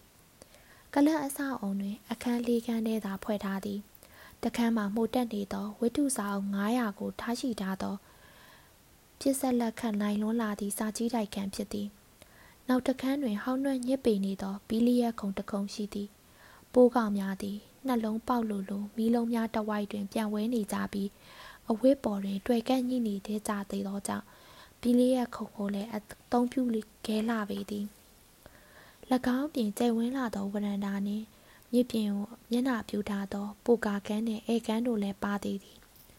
တို့ရတွင်ယခုလိုအချိန်မျိုး၌ဝရန်တာတစ်လျှောက်လုံးကိုဝါရင်များနှင့်ကာထားလေးရှိသည်အေကန်းကျမ်းပြင်တွင်အုံးဆန်နှင့်ရပ်ထားသောဖျားအုပ်ခင်းနာပြီးကျွန်းကလတ်တိုင်းနှင့်စပွဲများအောင်ချထားသည်ကျိုးဆွဲရက်ဆွဲများဆွဲပေးထားသောပန်ကာရက်ကျိုးတစ်ခုသည်ပြင်းပြင်းရီရီနှင့်ရိန်ထိုးလှုပ်ရှားရင်းနှွေးနေသောလေတုတဲ့သို့ဖုံမုံများကိုပြက်ဖြန်းပေးနေသေးတော့သည်အဲကန်းထဲတွင်အမျိုးသား၃ယောက်ရှိနေသည် ပန်ကာအောက်ဘက်ရှိစပွဲပေါ်တွင် အသက်40ကျော်ခန့်အနှဲငယ်ဝါဖြိုးတော်လဲကြည်ကောင်းလာသောလူတစ်ယောက်သည်စပွဲပေါ်တွင်မှောက်လျက်သားရှိနေသည်ထိုပုဂ္ဂိုလ်သည်ဥကောင်းကိုလက်နက်ဖက်နှင့်ဖြစ်ညင်ရင်ဝေဒနာကြောင့်ညှဉ်းညူနေသည်ထိုပုဂ္ဂိုလ်မှာမစ္စတာလက်ကာစတင်ဖြစ်ပြီးတစ်ကုမ္ပဏီတစ်ခု၏ဒေသဆိုင်ရာမန်နေဂျာဖြစ်သည်ယမန်နေ့ညအမူးလွန်ခဲ့သောကြောင့်ထိုတန်ကိုယခုခန်းစားနေရခြင်းဖြစ်သည်တခြားတစ်ကုမ္ပဏီတစ်ခုထံမှဒေသဆိုင်ရာမန်နေဂျာမစ္စတာအဲလစ်ကမူ ကြော်ညာတင်ပုံးရှိတွင်ရက်ကကြော်ညာစာတချို့ကိုမနစ်ချိုင်ဟန်ဖြင့်စူးစူးဆိုင်ဆိုင်လေးလာနေသည်သူသည်သပင်ကောက်ကောက်နဲ့ကိုလုံးကိုတဲ့တိတ်ကွေးဖြစ်ပြီးအသားရည်မွေးချောက်ချောက်နဲ့တလှုပ်လှုပ်တရွရွဖြစ်နေတတ်သူဖြစ်သည်ခေတ္တတစ်တော်အရေးပိုင်းမစ္စတာမတ်ဝဲကလည်းပလက်ကလတ်ထိုင်ရှိကြီးပေါ်တွင်လဲလျောင်းရင် field တစားကိုဖတ်ရှုနေလေသည်အယိုးအစ်စ်ကြီးမားလာသောခြေထောက်နှစ်ချောင်းနှင့်အမွှေးမြင်ထူသောလက်ဖြတ်နှစ်ဖက်ကိုသာမြင်နေကြရလေသည် ဟောဒီလူဆိုအဖိုးကြီးကိုကြည့်ကြစမ်းပါခရိုင်ရာဇဝဲဝင်မင်းမစ္စတာဝက်စပီကမစ္စတာလက်ကာစတင်ကိုချစ်ခင်ဟန်နဲ့ပခုံးမဆွဲထူပြီးကိုင်းလွှတ်လိုက်သည်လူငယ်တွေအတွက်တော့စံနမှုမှာပြနေတာပဲထင်ပါရဲ့မင်းသက်40ကျော်ရင်ဘလို့ဖြစ်လာမလဲဆိုတာစဉ်းစားလို့ရတာပေါ့ကွာမစ္စတာလက်ကာစတင်ကညှဉ်းညူတန်တစ်ချက်ပေးလိုက်ရာထိုအတန်သည်ဘရန်ဒီဆိုသောအတန်နှင့်တူနေပုံရလေသည်ဝက်စပီကပြောလိုက်လေပြန်သည် တနာစရာပုဂ္ဂိုလ်ကြီးပါပဲကွာအရက်ကြောင်ကြာဆုံးသွားသူတယောက်ပေါ့သူ့ရဲ့မွေးညင်းပေါက်တွေထဲမှာအရက်တွေစိမ့်ထွက်နေတာကိုကြည်စမ်းပါချင်အောင်မပါပဲအိတ်တက်တဲ့ပုံမှုကြီးတယောက်ကိုတော့တတိယမိသည်ဘာဖြစ်လို့ချင်အောင်နဲ့မအိတ်တလဲလို့သူ့တပည့်တွေကမေးကြည့်တော့သူ့တပည့်ဟာညကြရင်ဆရာသမားချင်းကြိုက်တာကိုတတိမထားမိအောင်မူးနေလေးရှိတယ်မနှမ်းကြရင်တော့ချင်းတွေကဆရာသမားကိုတတိမထားမိလောက်အောင်မူးနေကြပြီလေတဲ့ကဲသူ့ကိုကြည့်ပါအောင် မင်းညတော့ကအရံမူးအောင်တောက်ထားတယ်အခုထပ်တောင်းနေပြန်ပြီသူ့တူမလေးတယောက်လည်းသူနဲ့အတူတူလာနေဖို့ရှိတယ်ဒီကနေ့ညရောက်လာလိမ့်မယ်ဟုတ်တယ်မဟုတ်လားလက်ကစတင်အဲလက်ကလှည့်၍ပင်မကြည့်ပဲလှမ်းပြောလိုက်သည်အဲ့ဒီရထုတ်ကြီးကိုသွားမနောက်ရှက်ကြပါနဲ့ဗျာသူ့အတန်တွင်အမြေကန့်စရာကောင်းသောကော်ကနီလေးတန်ပါနေလေသည်မစ္စတာလက်ကာစတင်ကလည်းညညူတန်တစ်ချက်ကိုထွက်လာပြန်သည် တူမလေးကျေးဇူးပြုပြီးကျုပ်ကိုဘရန်ဒီနည်းနည်းလောက်ပေးကြစမ်းပါဗျာစပွဲအောက်မှာမှောက်ရက်နေသောဦးလေးကိုတစ်ဖက်တစ်ပတ်မှာခုနှစ်ကြိမ်မြင်နေရတဲ့အတွက်တူမလေးပညာတိုးတာပေါ့ဗျာဟေးဘတ်တလာလက်ကစတင်းသခင်အတွက်ဘရန်ဒီယူလာခဲ့စမ်းတုတ်တုတ်ခိုင်ခိုင်နဲ့နတ်မောင်မီအရေးလဲနေသောမျက်လုံးပတ်လည်၌အဝါရောင်ဆိုးထားသောအိန္ဒိယနိုင်ငံတောင်ပိုင်းသားဘတ်တလာသည်ကြေးဝါရောင်လင်မန်းပေါ်တွင်ဘရန်ဒီဖန်ခွက်ကိုတင်၍ယူလာကြပြန်သည် ဖလိုရီနှင့်ဝက်စ်ဗီတို့ကချင်းအရက်ကိုမှားလိုက်ကြသည်မစ္စတာလက်ကာစတင်ကဘရန်ဒီသုံးလေးစွန်းခန့်ကိုမျိုးချလိုက်ပြီးပို၍စိတ်ပြတ်နေတမ်းဟန်ဖြင့်ညီးညူရင်ကလတ်ထိုင်ပေါ်တွင်ကြောမိ၍ပြန်ထိုင်လိုက်သည်သူသည်စူဖြိုး၍အကဲပါပုံရသောမျက်နှာနှင့်တပုတ်တန်နှကမ်းမွေးရှိသူဖြစ်သည်ပျော်ပျော်ပါးပါးနေခြင်းသည်ကလွယ်၍ကြီးကြီးကျယ်ကျယ်ထွန်းကားလိုစိတ်အလင်းမရှိသောလူယိုတစ်ယောက်ဖြစ်သည် သူဇနီးဖြစ်သူကသူ့အားအဖြစ်နိုင်ဆုံးနည်းဖြင့်ထိမ့်ချုပ်ထားသည်ထိုနည်းမှာသူ့အားမျက်စိအောက်ကတနာရီနှစ်နာရီထက်ပို၍အပြောင်းမခံသောနည်းဖြစ်သည်သူတို့နှစ်ယောက်လက်ထပ်ပြီးကစားတစ်နှစ်ကြာတွင်သူမသည်ခင်မွန်းတဲ့နှင့်တကြိမ်သာရတရပတ်နှစ်ပတ်ခွဲ၍ခဲ့နေခဲ့ပူသည်သူမသည်နေတို့ပြန်ရောက်ရမည်နေ့ရက်တည်းတရက်စောပြီးမမျော်လင့်ပဲပြန်ရောက်လာလေရာအလွန်အကျွံမူးနေသောမစ္စတာလက်ကာစတင်ကို မြန်မာအမျိုးသမီးတဦးကဝီစကီပလင်းကိုပါဇက်ထဲသို့လောက်ထည့်ပေးနေသည်ကိုတွေ့လိုက်ရပြန်တော့သည်ထိုအချိန်ကစ၍ကြွတ်တွင်းဝကကြောင်ပမာစောင့်ကြက်နေသည်ကိုခံရသည်ဟုမစ္စတာလက်ကစင်းရမကြေမနက်ပြောလိရှိသလိုဇနီးဖြစ်သူကလည်းမျက်ခြေမပြတ်စောင့်ကြက်ကြည့်ရှုနေလေတော့သည်တိုးတိုင်အောင်မစ္စတာလက်ကစင်းဖို့အရန်နှင့်တိတ်တခိုးပျော်ပွဲနေရသောအချိန်ကလေးများသည်အတော်တန်ရှိခဲ့ပူပေသည်မစ္စတာလက်ကစင်းဟာပြောလိုက်ပြန်သည် ဒီမနက်ကြမှာခေါင်းကလေးကိုက်လိုက်တာဝက်စဖီရဲ့အဲ့ဒီပတ်တလာကိုထက်ခေါ်ပေးစမ်းမအောင်ကျုံမိမဒီကိုရောက်မလာခင်နောက်ထပ် brandy တစ်ခွက်တောင်းမှရမယ်ကျုပ်တို့တူမဒီကိုရောက်လာရင်ကျုပ်တနေ့ကိုအရက်လေးပတ်ပဲတောက်ရတော့မယ်လို့ကျုံမိမစီကံထုတ်နေတယ်သူတို့နှစ်ယောက်စလုံးပုတ်တိုးကုန်ကြပါစေဗျာခမည်းတော်အားလုံးအပြောင်ပြက်တွေရက်တန်းကရက်ပြီးဟောတာကိုနားထောင်ကြပါအောင်အဲလက်စ်ကမချေမချမ်းနဲ့ပြောလိုက်သည် သူသည်ပါးစားဟလိုက်သည်နဲ့တပြိုင်နက်တယောက်ယောက်ကိုစော်ကားသည့်ပုံစံမျိုးမျိုးမဖြစ်ဖြစ်အောင်တူတူကြကြပြောတတ်သောညီရှိသူဖြစ်သည်သူကခန့်ငုံငေါတော့ပြောလိုက်ခြင်းဖြစ်သလိုကော်တနီလေးတန်အားပိုဝဲအောင်တမင်လှုပ်၍ပြောလိုက်ခြင်းလည်းဖြစ်သည်မက်ဂရီကာရဲ့ဟော်ရီကြော်ညာကိုတွေးကြပြီးပြီလားလူတိုင်းနှစ်သက်တဲ့ကိစ္စကလေးပဲဟိမတ်ဝဲထပြီးနားထောင်စမ်းမတ်ဝဲကဖီးဆောင်ဆောင်ကိုအောက်သို့နှိမ့်ချလိုက်သည် သူသည်ပြောင်းဖူးမွှေးအောင်စပင်နဲ့အသက်25 26ထက်ပိုမကြီးသောလူငယ်တစ်ယောက်ဖြစ်သည်သူရာတူနဲ့ဆိုပါကအလွန်ငယ်ရွယ်သူ၏သည်အဲလက်စီသူကြောညာစာရွက်ကိုကြောညာတင်ပုံးမှစက္ကနဲဆွဲယူဖြုတ်လိုက်ပြီးကျဲလောင်စွာဖတ်တော်သည်ထိုကြောညာစာကိုအရေးပိုင်တာဝန်အဖြစ်ကလပ်အတွင်းရေးမှုတာဝန်ကိုပါပူးရဲထမ်းဆောင်နေရသောမစ္စတာမက်ဂရီကာကတ်ထားခြင်းဖြစ်သည်ဟောတာကိုပဲနားထောင်ကြပါဗျာ ဤကလပ်၌အရှိတိုင်းသားများသည်မင်းပါအဖြစ်ပါဝင်ခွင့်မရသေးကြယခုအချိန်တွင်ကေဇဝင်မျက်နှာဖြူသို့မဟုတ်တိုင်းရင်းသားများအားမျက်နှာဖြူကလပ်အများစုကမန်ပါအဖြစ်ပါဝင်ခွင့်ပြုကြပြီဖြစ်ရာကျွန်ုပ်တို့ကလည်းထိုအလေးထားကိုကြောက်တရားမျိုး၌စတင်ကျင့်သုံးသင့်ပြီဆိုသောအကြံပြုချက်ကိုရရှိထားပေသည်ထိုကိစ္စကိုနောက်တစ်ကြိမ်ကျင်းပမည်အသင်းလုံးချုပ်အစည်းအဝေးကြီး၌ဆွေးနွေးနိုင်ရန်တင်ပြထားပေသည် တနည်းပြောရမည်ဆိုပါကကဲကျန်တာတွေကိုတော့ဆက်မဖက်ဖို့မလိုတော့ပါဘူးဗျာကျုပ်ပြောချင်တဲ့သဘောကဒီလိုပါသူကကျုပ်တို့ရဲ့စီကံတွေကိုဖောက်ပြက်ပြီးလူမဲတယောက်ကိုကလပ်မှာဝင်ခွေးပြုပါလို့ပြောနေရပဲဗျဥပမာပြောရမယ်ဆိုရင်ချက်လာစွာသောဒေါက်တာဘာယာစွာမီလို့ပဲဆိုကြပါစောဗျာ bridge ဖဲကစားတဲ့ဇပွဲပေါ်မှာကြော်ပြီးခမားနှာခေါင်းတွေကို ကြက်သွန်ဖြူနဲ့တထောင်းထောင်းဝင်လာစေမဲ့ပိုက်ရွှဲရွှဲနဲ့လူမဲတွေပေါ့ဗျာစဉ်းစားကြည့်ုံနဲ့တင်အော်ကလီဆန်နေအခုကိစ္စမှာတော့ကျုပ်တွေအားလုံးစုပေါင်းပြီးတော့ချက်ချင်းတွန်းလှန်ရတာလိမ့်မယ်ကဲ Westby Flory ခမားတို့ကရောဘာပြောကြမလဲ Westby ကပညာရှိဆန်ဆန်ပခုံးတွန်းပြလိုက်သည်သူသည်စပွဲပေါ်တွင်ဝင်လိုက်ပြီးအနံပြင်းနေသောအနှဲအောင်မြမဆေးဘောလိတ်တလိတ်ကိုမြည်ညှိလိုက်သည်အောင်ဤပြီးတိခံရလိမ့်မယ်လို့ကျုပ်ကတော့ထင်တယ် ဝက်စဖီးကပြောလိုက်သည်ဒီတိုင်းရင်းသားတွေဟာအခုဆိုရင်ကလပ်ထဲမှာဝင်ငွေရကုန်ကြပြီအဲ့ဒီလိုဝင်ငွေပြူးတဲ့အထဲမှာပကိုးကလပ်တောင်ပါသေးတယ်ဒါကတော့ဒီနိုင်ငံမှာဖြစ်နေတဲ့ပုံစံပဲလေခမားတို့လည်းသိတာပဲသူတို့ကိုထောက်ခံတဲ့ကလပ်တွေထဲမှာတော့ကျုပ်တို့ကလပ်ဟာနောက်ဆုံးကလပ်ဖြစ်နိုင်စရာရှိပါရဲ့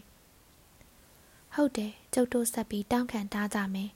ဒီကလပ်ထဲမှာလူမဲတယောက်ကိုမမြင်ရခင် ကျုံမြောင်းနဲ့ဆင်းပြီးအသေးခံသွားမယ်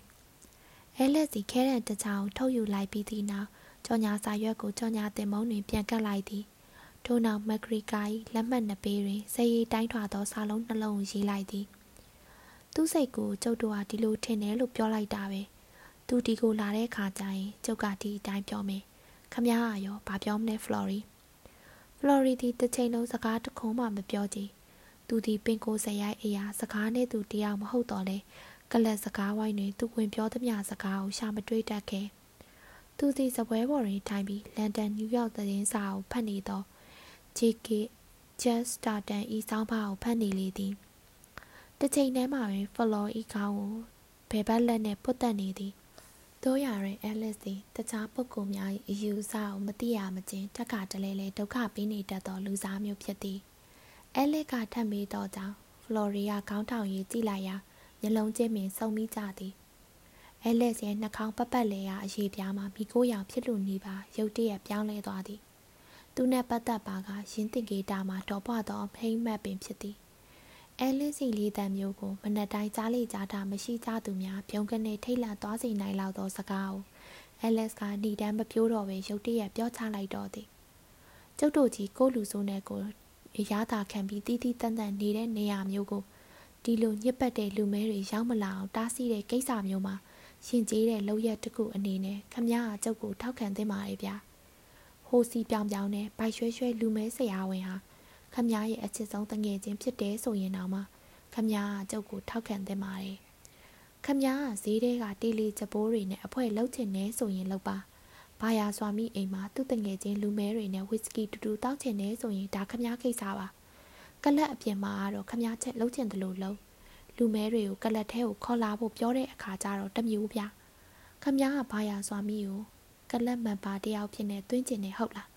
အဲ့ဒီငတီးရဲ့နှာခေါင်းမဲမဲကြီးဟောဒီတကားဝဝင်လာတာနဲ့တပြိုင်နက်သူ့ကြောပြင်ကိုဖက်နဲ့နဲ့ကန်လွတ်လိုက်ပြီးသားမှတ်ပြီးတော့ အဲလစ်စီထိုးစကားကိုနောက်ထပ်မိနစ်အနည်းငယ်ကြာအောင်ဆက်၍ပြောသားလေသည်အဲလစ်စီထိုးစကားများကိုစိတ်ပါလက်ပါဖြင့်ပြောနေခြင်းဖြစ်သောကြောင့်ထူးထူးခြားခြားစိတ်ဝင်စားစရာကောင်းလှပေသည်အဲလစ်သည်အရှိတိုင်းသားများကိုယွန်းရှာမုန်းတီးသူဖြစ်သည်မကောင်းဆိုရသို့မဟုတ်ညစ်ပတ်သူများအဖြစ်ခါခါတီတီယုံမုန်းသူဖြစ်သည်သူသည်တစ်လုပ်ငန်းကုမ္ပဏီတစ်ခု၏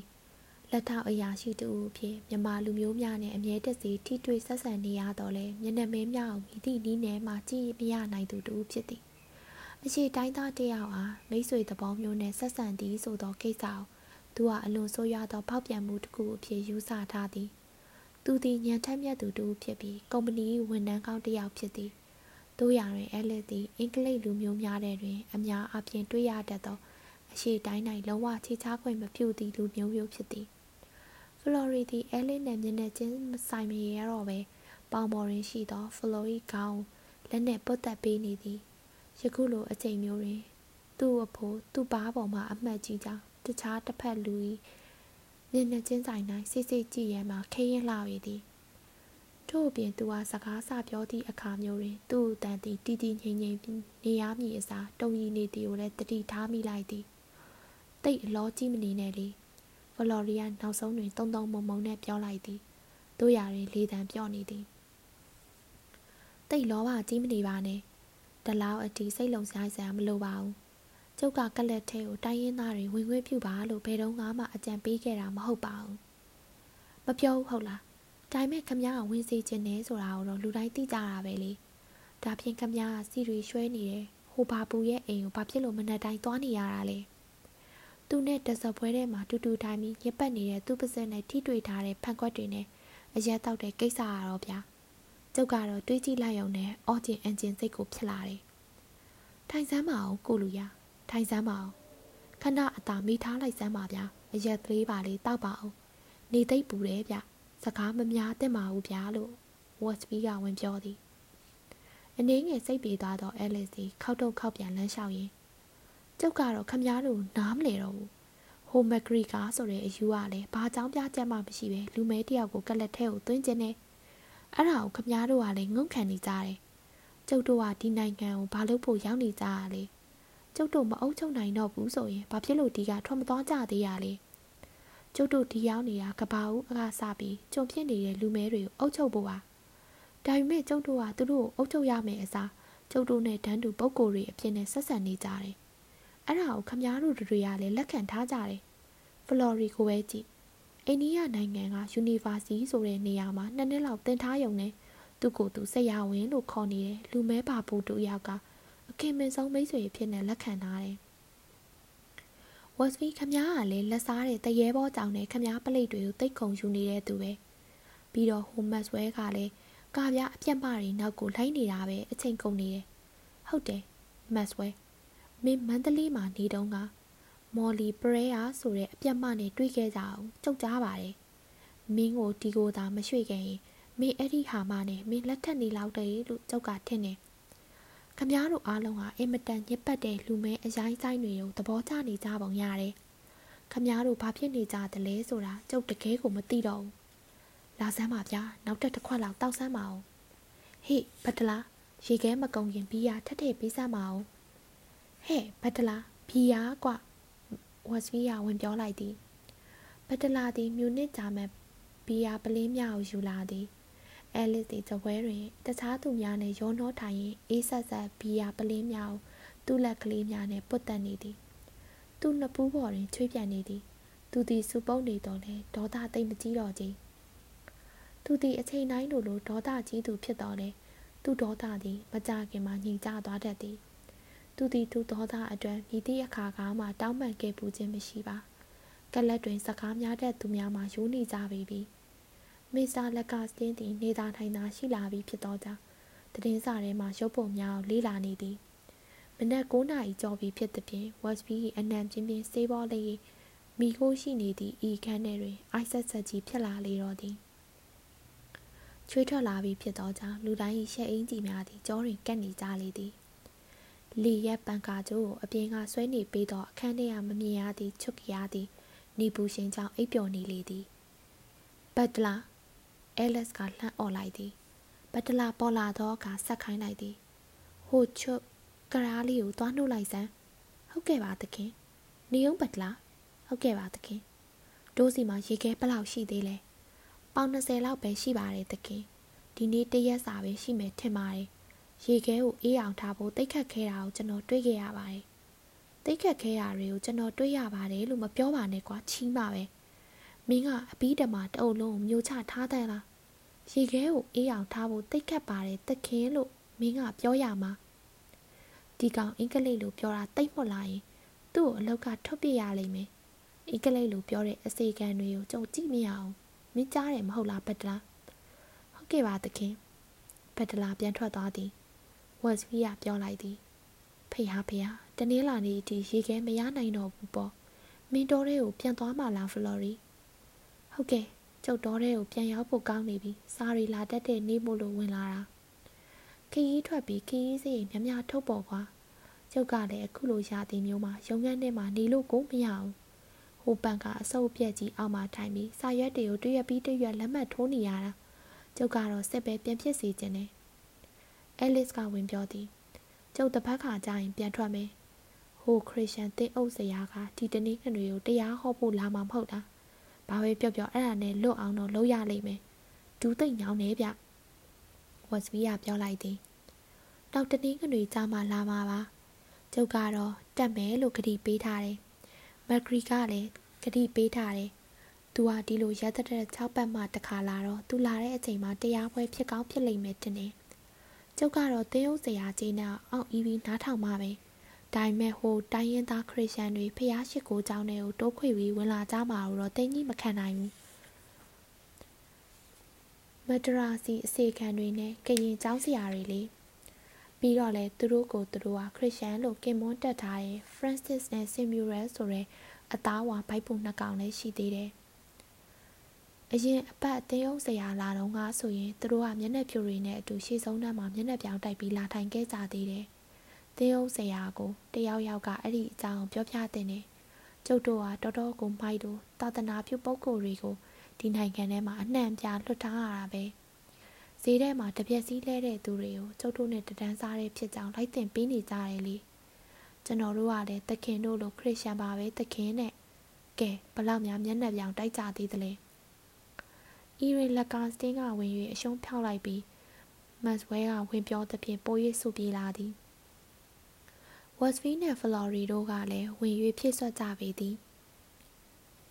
အဲလစ်ကလည်းမနေနိုင်တော့ပဲညညစ်ပတ်ပတ်ဟာတာများကိုဝင်ပြောတော့သည်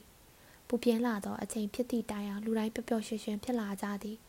သူတို့သည်ဖီယာကိုလက်စတက်လိုက်ပြီးသည်နောက်နောက်တစ်ချိန်ထပ်မာတော့မီဆဲဆဲတွင်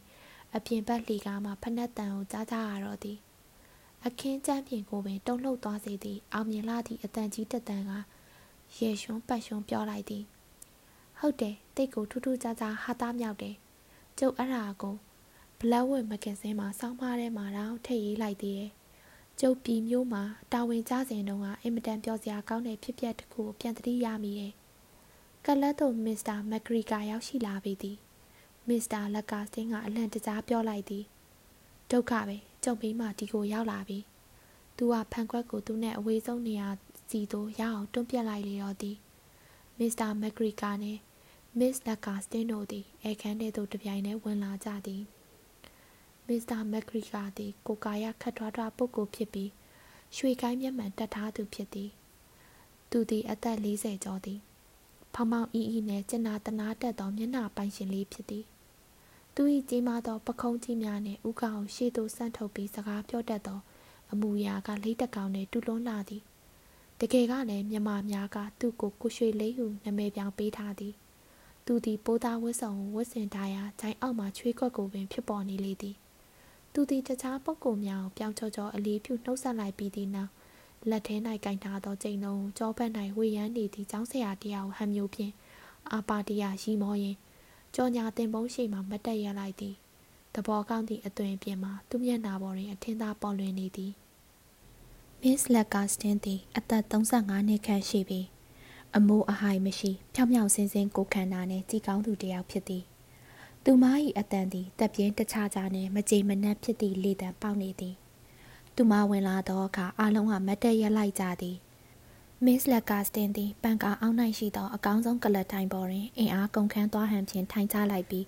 သေးသွဲ့သောလက်ကလေးနှင့်ကိုကိုကိုရက်ခတ်နေလေသည်အမလီပူလိုက်အိုက်လိုက်တာမစ္စတာမက်ဂရီကာရဲ့မော်တော်ကားနဲ့လာခေါ်တယ်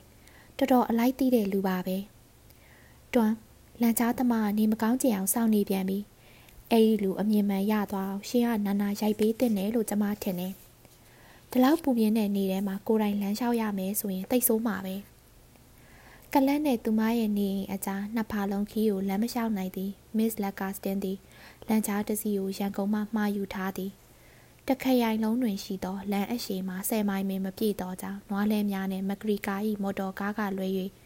ထိုလမ်းကြားသည်ကြောက်တရား၌ရှိသည့်တခုတည်းသောဘိန်းတဲ့ရင်ဖြစ်သည်မစ်လက်ကာစတန်သည်သူမ၏ခင်မွန်တောထဲတွင်တယောက်တည်းမထားရသောကြောင့် ဆူဆူဆွဆွတဲများချင်များစီတို့အစားအစာများစားသည့်ဒုက္ခမျိုးစုံအောင်ဤတိခန့်လေးရှိသည်တို့ရရင်သူမသည်ကြောက်တရားမျိုး၌ရှိနေစေအသေးဖွဲမှန်သမျှကိုပြစ်တောက်ပြစ်တောက်ပြောဆိုပြီးစူးစူးပူပူလှုပ်လေရှိသည်ဒီစေကန်တွေပြင်းပုံကတော့တိတ်ကိုစိတ်ပြက်စရာကောင်းလာပြီရှင်သူမကတပြင်းချလိုက်သည်ရှင်ကရောသဘောမတူဘူးလားမစ္စတာမက်ဂရီကာအခုချိန်မှာတော့သတင်းစာတွေကတစင်တက်လာကြတယ် ထော်လော်ကက်လက်လုံးမှုတွေကြောင့်ပဲကျမတို့ကတိုင်းရင်းသားတွေအပေါ်မှာတိတ်ပြီးဩစာအာဏာရှိပုံမရတော့ဘူးတနည်းပြောရရင်သူတို့ဟာကျမတို့နိုင်ငံဟာအနိုင်ဆုံးလူဒန်းစားတွေလောက်ကိုဆိုးရွားလာကြပြီအဲ့ဒီလောက်မဆိုးသေးဘူးလို့ချုပ်ထင်ပါတယ်ဒါပေမဲ့ဒီမှာတော့ဒီမိုကရေစီစိတ်ဓာတ်ကတော့စိတ်ဝင်စားပြုနေပြီလို့ဆိုရမှာပဲပြီးတော့လေတိတ်မကြသေးခင်ကအဲလေစစ်မဖြစ်ခင်သေးရဆိုရင်တော့သူတို့ကလေးလေးစားစားနဲ့ရီရီမုံမုံရှိကြပါတယ် လမ်းပေါ်မှာမျက်နှာချင်းဆိုင်ဆုံးကြရင်သူတို့အယိုသေးပေးပုံတွေဟာတိတ်ပြီးသဘောကျစရာကောင်းတာပဲဘတ်တလာကိုတလ၁၂ချက်ပဲပေးရတဲ့အချိန်ကိုကျမတို့ပြန်တတိရမိတယ်အဲ့ဒီတုန်းကဆိုရင်အဲ့ဒီလူကကျမတို့အပေါ်မှာခွေးတကောင်လိုတစ္ဆာရှိရဲ့အခုတော့သူတို့က40 50တောင်းနေကြပြီဒီတော့အစေကန်းတွေကိုထိန်းထားတဲ့နီးတွေထဲမှာသူတို့လာကတွေကိုလာတော်တော်များများမပေးပဲခြံထားတဲ့နီးတနီးပဲကြံတော့တယ်မက်ဂရီကာကလည်းသဘောတူလိုက်သည်ဟို တုန်းကအစီကံမျိုးကတော့မရှိတော့ပါဘူးလေကျုံငငယ်တုန်းကပတ်တလာတယောက်ကမလေးမခန့်လုပ်တယ်ဆိုရင်ဒီစာယူလာတဲ့သူကိုကျိန်15ချက်ရိုက်လိုက်ပါဆိုတဲ့စာရွက်ကလေးတစ်ရွက်နဲ့ထောင်လွတ်လိုက်တာပဲအဲ့ဒီလိုကာလာမျိုးကိုတော့ဘယ်တော့မှပြန်တွေ့ရတော့မှာမဟုတ်ပါဘူးအဲ့ဒီနေရာမှာတော့ခမရမှန်သွားပြီဝက်စဖီကသူ့ပုံစံအတိုင်းစိတ်မသက်မသာပုံစံနဲ့ပြောလိုက်သည်ဒီနိုင်ငံဟာဘယ်တော့မှဆက်နေဖို့ကောင်းမှာမဟုတ်ဘူးဗြိတိရှားတွေရဲ့ခက်လဲကုန်ပါပြီ ကျုပ်တို့တရားခွာဖို့အချိန်ရောက်ပြီ။ဤတွင်အခန်းထဲ၌ရှိသူအားလုံးထံမှသဘောတူညီသောအတန်များထွက်ပေါ်လာသည်။ဘောလ်ရှီဗစ်ကွန်မြူနစ်အယူအဆကိုလက်ခံသူဟာအများကနားလည်ထားသောဖလိုရီနှင့်ဤနိုင်ငံ၌သုံးနှစ်ပင်မပြည့်တက်သေးသူချာတိတ်မတ်ဆွဲတို့ထံ၌ပင်သဘောတူသည်များထွက်ပေါ်လာတော့သည်။ထိုခိုက်အဲလက်စ်သည်ကြော်ညာစာရွက်ကိုမစ္စတာမက်ဂရီကာ၏နောက်ဖက်မှဖြုတ်ယူလိုက်ပြီးသည့်နောက်မက်ဂရီကာကိုထောင်ပြရင် ချင်စရာကောင်းသောသူ၏လေတံဖြင့်ပြောလိုက်သည်ဒီမှာမက်ဂရီကာကျုပ်တို့ဒီကြော်ညာကိုဖတ်ပြီးကြပြီတိုင်းရင်းသားတယောက်ကိုကလပ်မန်ပါတယောက်အဖြစ်နဲ့လက်ခံဖို့ဆိုတဲ့စိတ်ကူးစိတ်တန်းဟာအဲလက်စ်ကရိုင်းရိုင်းဆိုင်ဆိုင်ပြောရန်စိတ်ကူးရှိတော်လဲမစ်လက်ကာစတင်ရှိနေသောကြောင့်တတိယသွားကသူ့ကိုယ်သူပြန်ထိန်လိုက်သည်လုံးဝလက်မခံနိုင်တဲ့ကိစ္စပဲဒီကလပ်ဟာကျုပ်တို့ကြီးပဲအရသာခံတဲ့နေရာ တိုင်းရင်းသားတွေဒီနေရာမှာလာရှုပ်တာကိုလက်မခံနိုင်ဘူးသူတို့တွေမရှိတဲ့နေရာတနေရာလောက်တော့ရှိနေစေချင်တယ်ကျန်တဲ့လူတွေကလည်းကျုံတဲ့သဘောလုံးဝတူကြပါတယ်သူကကျန်လူများကိုလှည့်ကြည့်လိုက်သည်မစ္စတာလက်ကာစတင်ကတူတူတောင်းတောင်းပြောလိုက်သည်ကြားကြတယ်နော်ကြားကြတယ်နော်သူအရက်တောင်းနေသည်ဟုသူဇနီးကမလွဲမသွေရိမ့်မိလိမ့်မည်သူကဇာတိပုံညာ ဂုံမာမာနာစိတ်တက်ကိုရဲရဲတောက်ပြသလိုက်မည်ဆိုပါကသူ၏ဇနီးကခွင့်လွတ်လိမ့်မည်ဟုသူစိတ်ထဲအားထင်လိုက်သည်မစ္စတာမက်ဂရီကာသည်ကြောညာစာရွက်ကိုအပြုံးလေးနဲ့လှမ်းယူလိုက်သည်သူလက်မှတ်နှစ်ပေးမှာဆေးရည်တိုင်းထွာသောစာလုံးနှလုံးကိုမြင်လိုက်ရသည်တွင်အဲလစ်စီအယိုအသေးတန်လွန်းလှသည်ဟုသူစိတ်ထဲအားတွေးလိုက်မိသည်တို့ရတွင်သူကထိုကိစ္စကိုဟာတာနှော့ပြက်လိုက်သည်သူသည်ရုံးချိန်အတွင်း၌သူ၏တိတ်ခါကိုထိမ့်သိမ့်လေးရှိသလို ကလတ်တွင်လည်းလူကောင်းသူကောင်းတယောက်ဖြစ်သည်ဟုလက်ခံလာကြအောင်တပင်တပန်းကြိုးပမ်းလေးရှိသူဖြစ်သည်မက်ဂရီကာကပြောလိုက်သည်ကျုပ်တို့၏မိတ်ဆွေကြီးအဲလစ်ကအာရီယန်ညီကိုရီကိုအပေါင်းအသင်းမလုပ်ချင်ဘူးနဲ့တူတယ်အဲလစ်ကခက်စိတ်စိတ်ပြန်ဖြေလိုက်သည်မပေါင်းသင်းကျင်ဘူးမွန်ဂိုလီယန်ညီကိုတွေကိုလည်းမပေါင်းချင်ဘူးစကားတစ်လုံးနဲ့ပြောရရင်ကျုပ်ကလူမဲတွေကိုလုံးဝမကြိုက်ဘူး မစ္စတာမက်ဂရီကာသည် လူမဲဆိုသောစကားကြောင့်တောင့်တင်းသွားသည်သူသည်အရှိတိုင်းသားများအပေါ်၌မနစ်ချိုက်သောအစွဲလန်းမရှိကြတကယ်ကသူသည်အရှိတိုင်းသားများကိုအလွန်ခင်မင်သူဖြစ်သည်သူတို့လွတ်လပ်မှုပေးမထားပါကအလွန်နှစ်သက်စရာကောင်းသောပုံကုံများဖြစ်သည်ဟုသူကယူဆထားသည်ထိုပုံကုံများအားမတော်မတရားစော်ကားသည်ကိုလည်းမြင်ရတိုင်းသူစိတ်မချမ်းမသာဖြစ်လေရှိသည်သူဟာခက်ထန်ထန်ပြောလိုက်သည် သူတို့ကလူမဲလို့ခေါ်တာမကြိုက်ကြဘူးသူတို့မကြိုက်တဲ့အတုံးနှုံးနဲ့ခေါ်တာကတော့မကောင်းဘူးမြန်မာတွေဟာမွန်ဂိုလီယန်တွေကလားတွေကတော့အာရီယန်ဒါမှမဟုတ်ဒရာဗီဒီယန်တွေသူတို့အားလုံးဟာလူမဲလို့ခေါ်တဲ့နီဂရိုတွေနဲ့မတူကြဘူးဟာဗျာအသာထားလိုက်စမ်းပါမစ္စတာမက်ဂရီကာ၏ယာဒူးအဆင့်ကိုထိမထင်မဲအဲလစ်ကပြောလိုက်သည်သူတို့ကိုလူမဲဒါမှမဟုတ်အာရီယန်ဒါမှမဟုတ်ခမားကြိုက်တယ်လို့ခေါ် ကျုပ်ပြောနေတဲ့စကားလူအသားမဲတဲ့လူတွေကိုဒီကလတ်ထဲမှာမတွေ့ကျင်ဘူး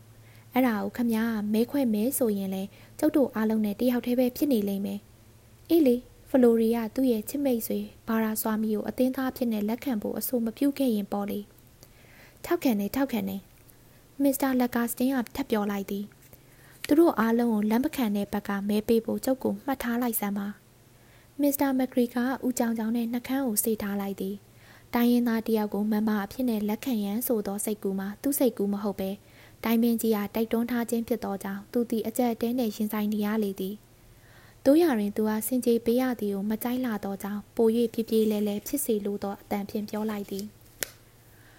ဒီကိစ္စကိုတင်းလုံးကျအစည်းအဝေးကြီးကြားမှာဆွေးနွေးဖို့ရွှေ့ဆိုင်ထားလိုက်ရင်မကောင်းလားအခုလောလောဆယ်မှာတော့ဒီကိစ္စကိုစဉ်းစားဖို့အချိန်ပေးထားလိုက်ရအောင်ကဲအခုတော့သူဒီစပွဲစီတို့တိုးသွားပြီ နည်းနည်းလောက်လန်းဆန်းသွားအောင်ကျုံနဲ့အတူတူဘသူများရမကာမိဝဲကြအောင်မလဲအီရင်ဘတ်တလာကိုခေါ်ယူပြီးလန်းဆန်းသွားစီမီရမကာများကိုမှာယူလိုက်သည်ပို၍ပူလောင်လာပြီးဖြစ်သောကြောင့်လူတိုင်းရင်ငန်းနေကြသည်မစ္စတာလက်ကာစတင်သည်အရက်မှာတော့မြည်ဆဲဆဲတွင် သူ့ဇနီးအကြည့်ကိုမြင်လိုက်ရသောကြောင့်ကိုရို့လိုက်ပြီးအောက်တိုးတိုးနဲ့မမှားဘူးလို့ပြောလိုက်သည် သူသည်လက်နှစ်ဖက်ကိုဒူးဘော်ရင်တင်ရင်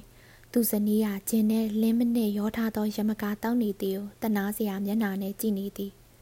မစ္စတာမက်ဂရီကာသည်အရက်ပိုးမှန်သမျှအတွက်လက်မှတ်ထိုးပေးထားလိုက်တော့သောအခါသူကမူလင်းမနစ်ရိုးရိုးကိုသာတောက်နေရသည်သူသည်ကြောက်တတားရှိမျက်နှာဖြူများတွင်နေမဝင်ခင်အရန်ပတောက်ပါဆိုသောစီကံကိုတယောက်တည်းလိုက်နာနေသူဖြစ်သည်ကောင်းပါတယ်ဗျာကောင်းပါတယ်စမွဲပေါ်၌လက်ဖြတ်နှစ်ဖက်ကိုတင်ထားသောအဲလစ်သည်ဖန်ခွက်ကိုဟိုရွှေ့သည်ရွှေ့နှင့်လှုပ်ရင်း မကြေမချမ်းနှင့်ပြောလိုက်သည်သူသည်မစ္စတာမက်ဂရီကာနှင့်အငင်းခုန်လို့ရသောကြောင့်ကနာမငြိမ်ဖြစ်နေသည်ဒါပေမဲ့ကျုပ်ပြောတာကိုပြန်မရုပ်သိမ်းဘူးဒီကလပ်မှာအမြဲတမ်းအလျှော့ပေးနေရမယ်ဆိုရင်ကျုပ်တို့ရဲ့အမ်ပါယာကြီးကိုဖျက်သိမ်းပစ်တာဖြစ်မှာပဲကျုပ်တို့ဟာတိတ်ပြီးလျှော့လျှော့ပေါ့ပေါ့နိုင်လွန်းတဲ့အတွက်ဒီနိုင်ငံမှာအကြီးညိုပြအောင်ပြောတဲ့လူတွေတိတ်များနေတာအဖြစ်နိုင်ဆုံးမူဝါဒကတော့သူတို့ကိုသူတို့အဆင့်တန်းနဲ့ညီအောင်မင်းပြတွေလိုဆက်ဆံဖို့ပဲ အခုအချိန်မှာကျုပ်တို့အားလုံးစီးလုံးညီညွတ်ကြပြီးကျုပ်တို့ဟာသခင်တွေမင်းတို့ဟာတရောင်းစားတွေအဲလစ်စီပိုးကောင်တကောင်ပြားချက်သွားအောင်ဖိချေလိုက်တယ်လို့သူဤလက်မကလေးနဲ့အောက်သို့ဖိချရင်သူတို့တရောင်းစားတွေကိုနေရာကိုနေကြလို့ပြောလိုက်ကြမယ်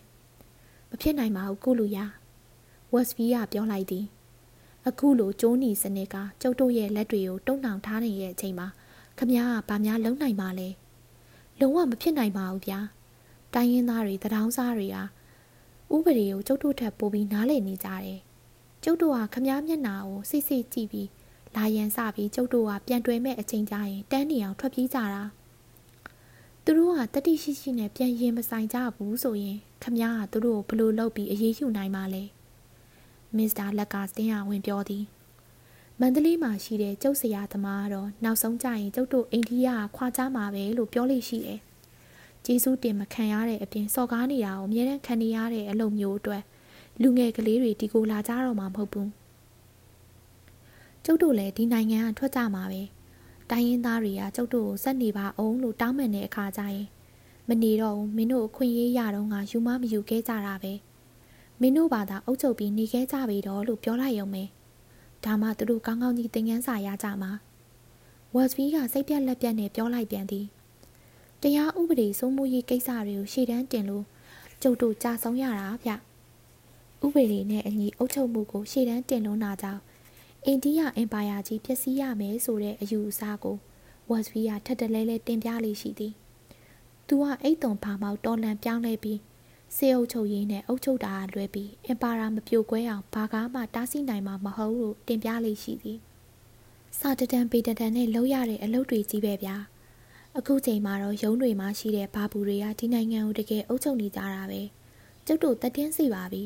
ကျုပ်တို့အကောင်းဆုံးလုံးနိုင်မဲ့အချက်တစ်ချက်ကတော့သူတို့ဘာသာသူတို့ဒုက္ခဖြစ်ကြရင်အောင်ဖုတ်ဖက်ကထသွားပြန်ဖို့ပါပဲအဲလစ်ကဝင်ပြောသည်ကျုပ်ကတော့သဘောမတူလုံးဝသဘောမတူကျုပ်တို့ကသာတကယ်လုံးမယ်ဆိုရင်တလာအတွင်းပုံမှန်ပြန်ဖြစ်သွားနိုင်တယ်အန်ရီစာမျိုးကိုကြည့်ပါလား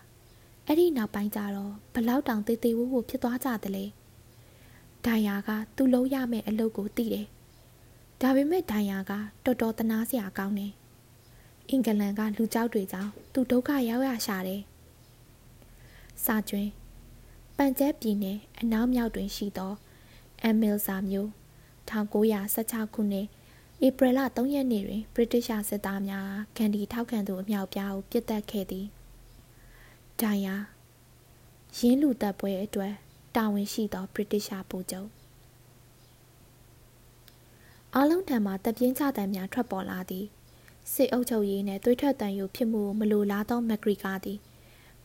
ဒိုင်ယာ၏နာမည်ကိုကြားလိုက်သောကြောင့်ဦးကောင်းအောင်ခါရမ်းလိုက်သည်อืมတော်တော်တနာဖို့ကောင်းတယ်လူအမတ်တွေရဲ့ရစ်ပလင်မှာ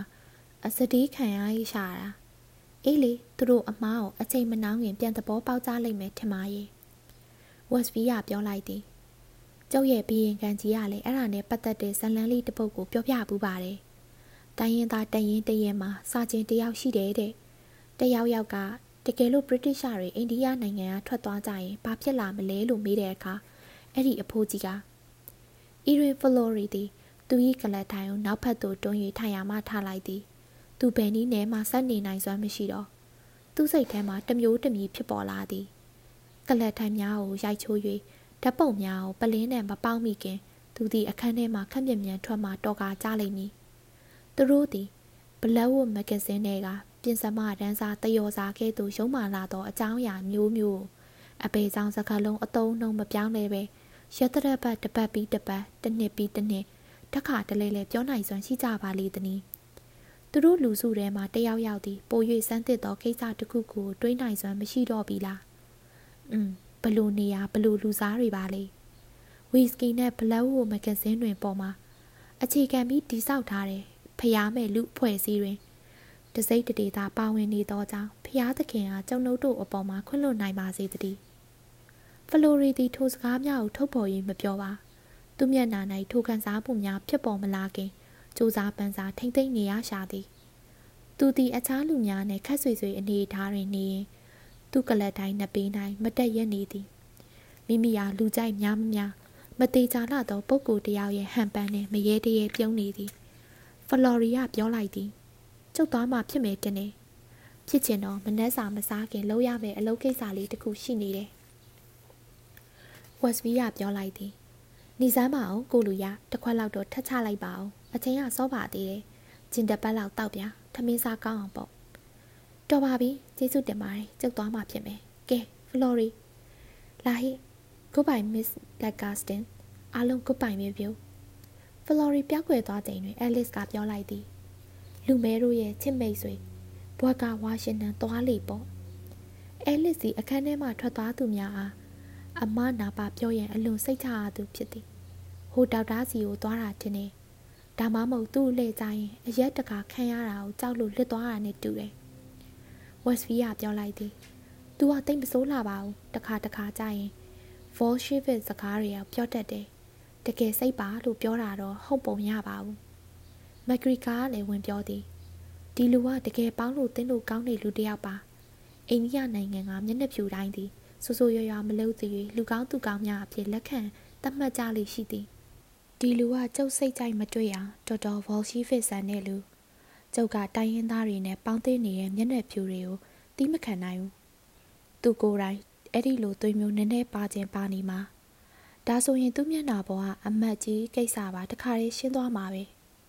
အီရင်ဖလော်ရီနဲ့ပတ်သက်သည့်ပုတ်ခတ်ပြောဆိုမှုများဖြစ်လာတော့လဲမစ္စတာမက်ဂရီကာကပုတ်ခတ်ပြောဆိုမှုများကိုတိတ်မကြိုက်လာတော့ကြောင်းများများဆဆမပြောဖြစ်ကြကြီးမျက်နှာဖြူများသည်နောက်တစ်ကြိမ်အားလုံးအတွက်အရက်မှတောက်ချိန်အထိကလတ်တွင်ဆက်နေကြသည် မက်ဂရီကာကအပြင်းမျိုးတွင်သူတွေးကြုံခဲ့ရသောဖြစ်ပျက်ကလေးကိုပြန်ပြောပြနေသည်ထို့နောက်သူတို့ပြောဆိုနေသောစကားများသည်မြည်သည့်အခါတွင်မှညီငွေခြင်းမရှိသောတိုင်းရင်းသားများ၏စောစောကားကားဆက်ဆံမှုအစိုးရ၏ပေါ့ပေါ့တန်တန်ဆောင်ရွက်မှုများနှင့်ယခုအီစာနှင့်အတူလာသူချိန်တန်၅ချက်ရိုက်လိုက်ပါဆိုသောဗြိတိရှအစိုးရရွှေထီဆောင်ခဲ့ရသည့်အတိတ်ကာလမှာအကြောင်းအရာများစီသို့သာရောက်ရှိသွားလေတော့သည် အဲလေးစီဖျောက်ဖျက်မရနိုင်သောဆွဲလန့်မှုကြောင့်ထိုဘာသာရက်ကိုမေ့မသွားကြပဲထက်ခါတလဲလဲပြောဖြစ်ကြသည်တို့ရတဲ့မျက်နှာဖြူများ၏နာကြီးမှုများကိုခွင့်လွှတ်နိုင်စရာရှိပါသည်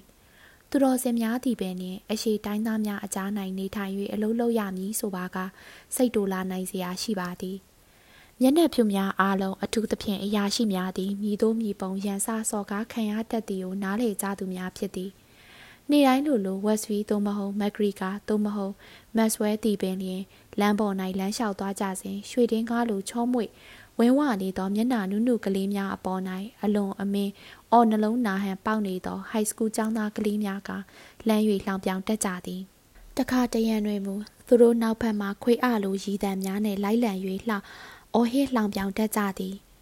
အင်္ဂလိုအင်ဒီယန်အရာရှိများ၏ဘဝသည်ပန်းခင်းသောလမ်းမဟုတ်ပါ၎င်းတို့လိုစိတ်မရှိသောတောစခန်းများ အလွန်ပူပြင်းသောရုံကန်းများဖုံနှံ့ရေနံကြီးနံနံသောမဲမောင်နေသည့်ဘန်ကလိုများ၌အလုံးလုံးကြရသူများသည်နည်းနည်းတော့မကြိမ်မနက်ဖြစ်ထိုက်ပါပေသည်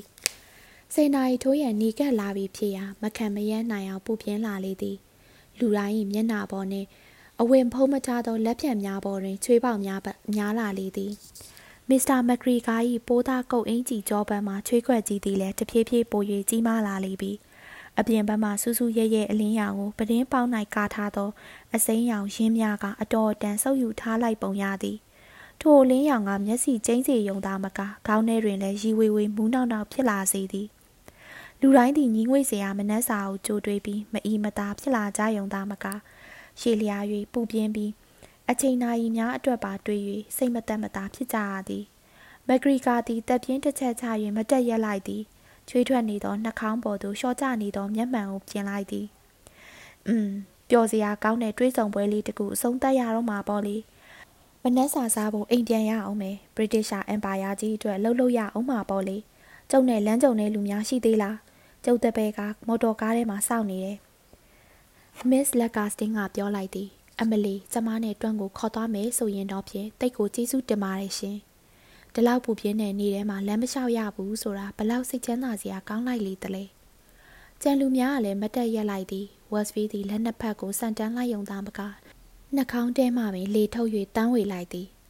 ကျုပ်လည်းသွားမှာပဲဒီမှာဆက်တိုင်နေအိပ်ပျော်သွားလိမ့်မယ်ချင်းတောင်တတောင်လောက်ရှိတဲ့စာရွက်စာတမ်းတွေနဲ့ရုံခန်းထဲမှာတနေ့လုံးထိုင်ပြီးချွေးထုတ်ရအောင်မယ်ဖះသခင်ကဲတော်မူပါ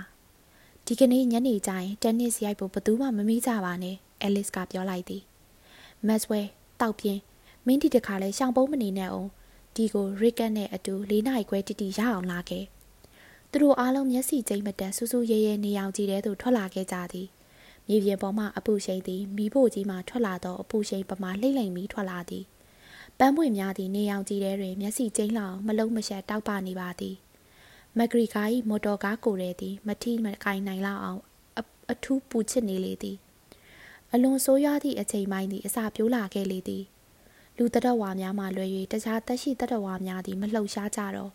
ထို့ကြောင့်အပူရှိန်၏လှုံ့ဆော်မှုကြောင့်ပရွက်စိတ်တန်းကြီးသည်လမ်းပေါ်တွင်ဖဲပြားတစ်ချောင်းပမာချီတက်သွားကြသလိုအမီးမဲ့လက်ဓာကြီးများသည်လည်းလီစီကြောင်းတိုင်းတွင်ပြန်ဝဲနေကြလေတော့သည်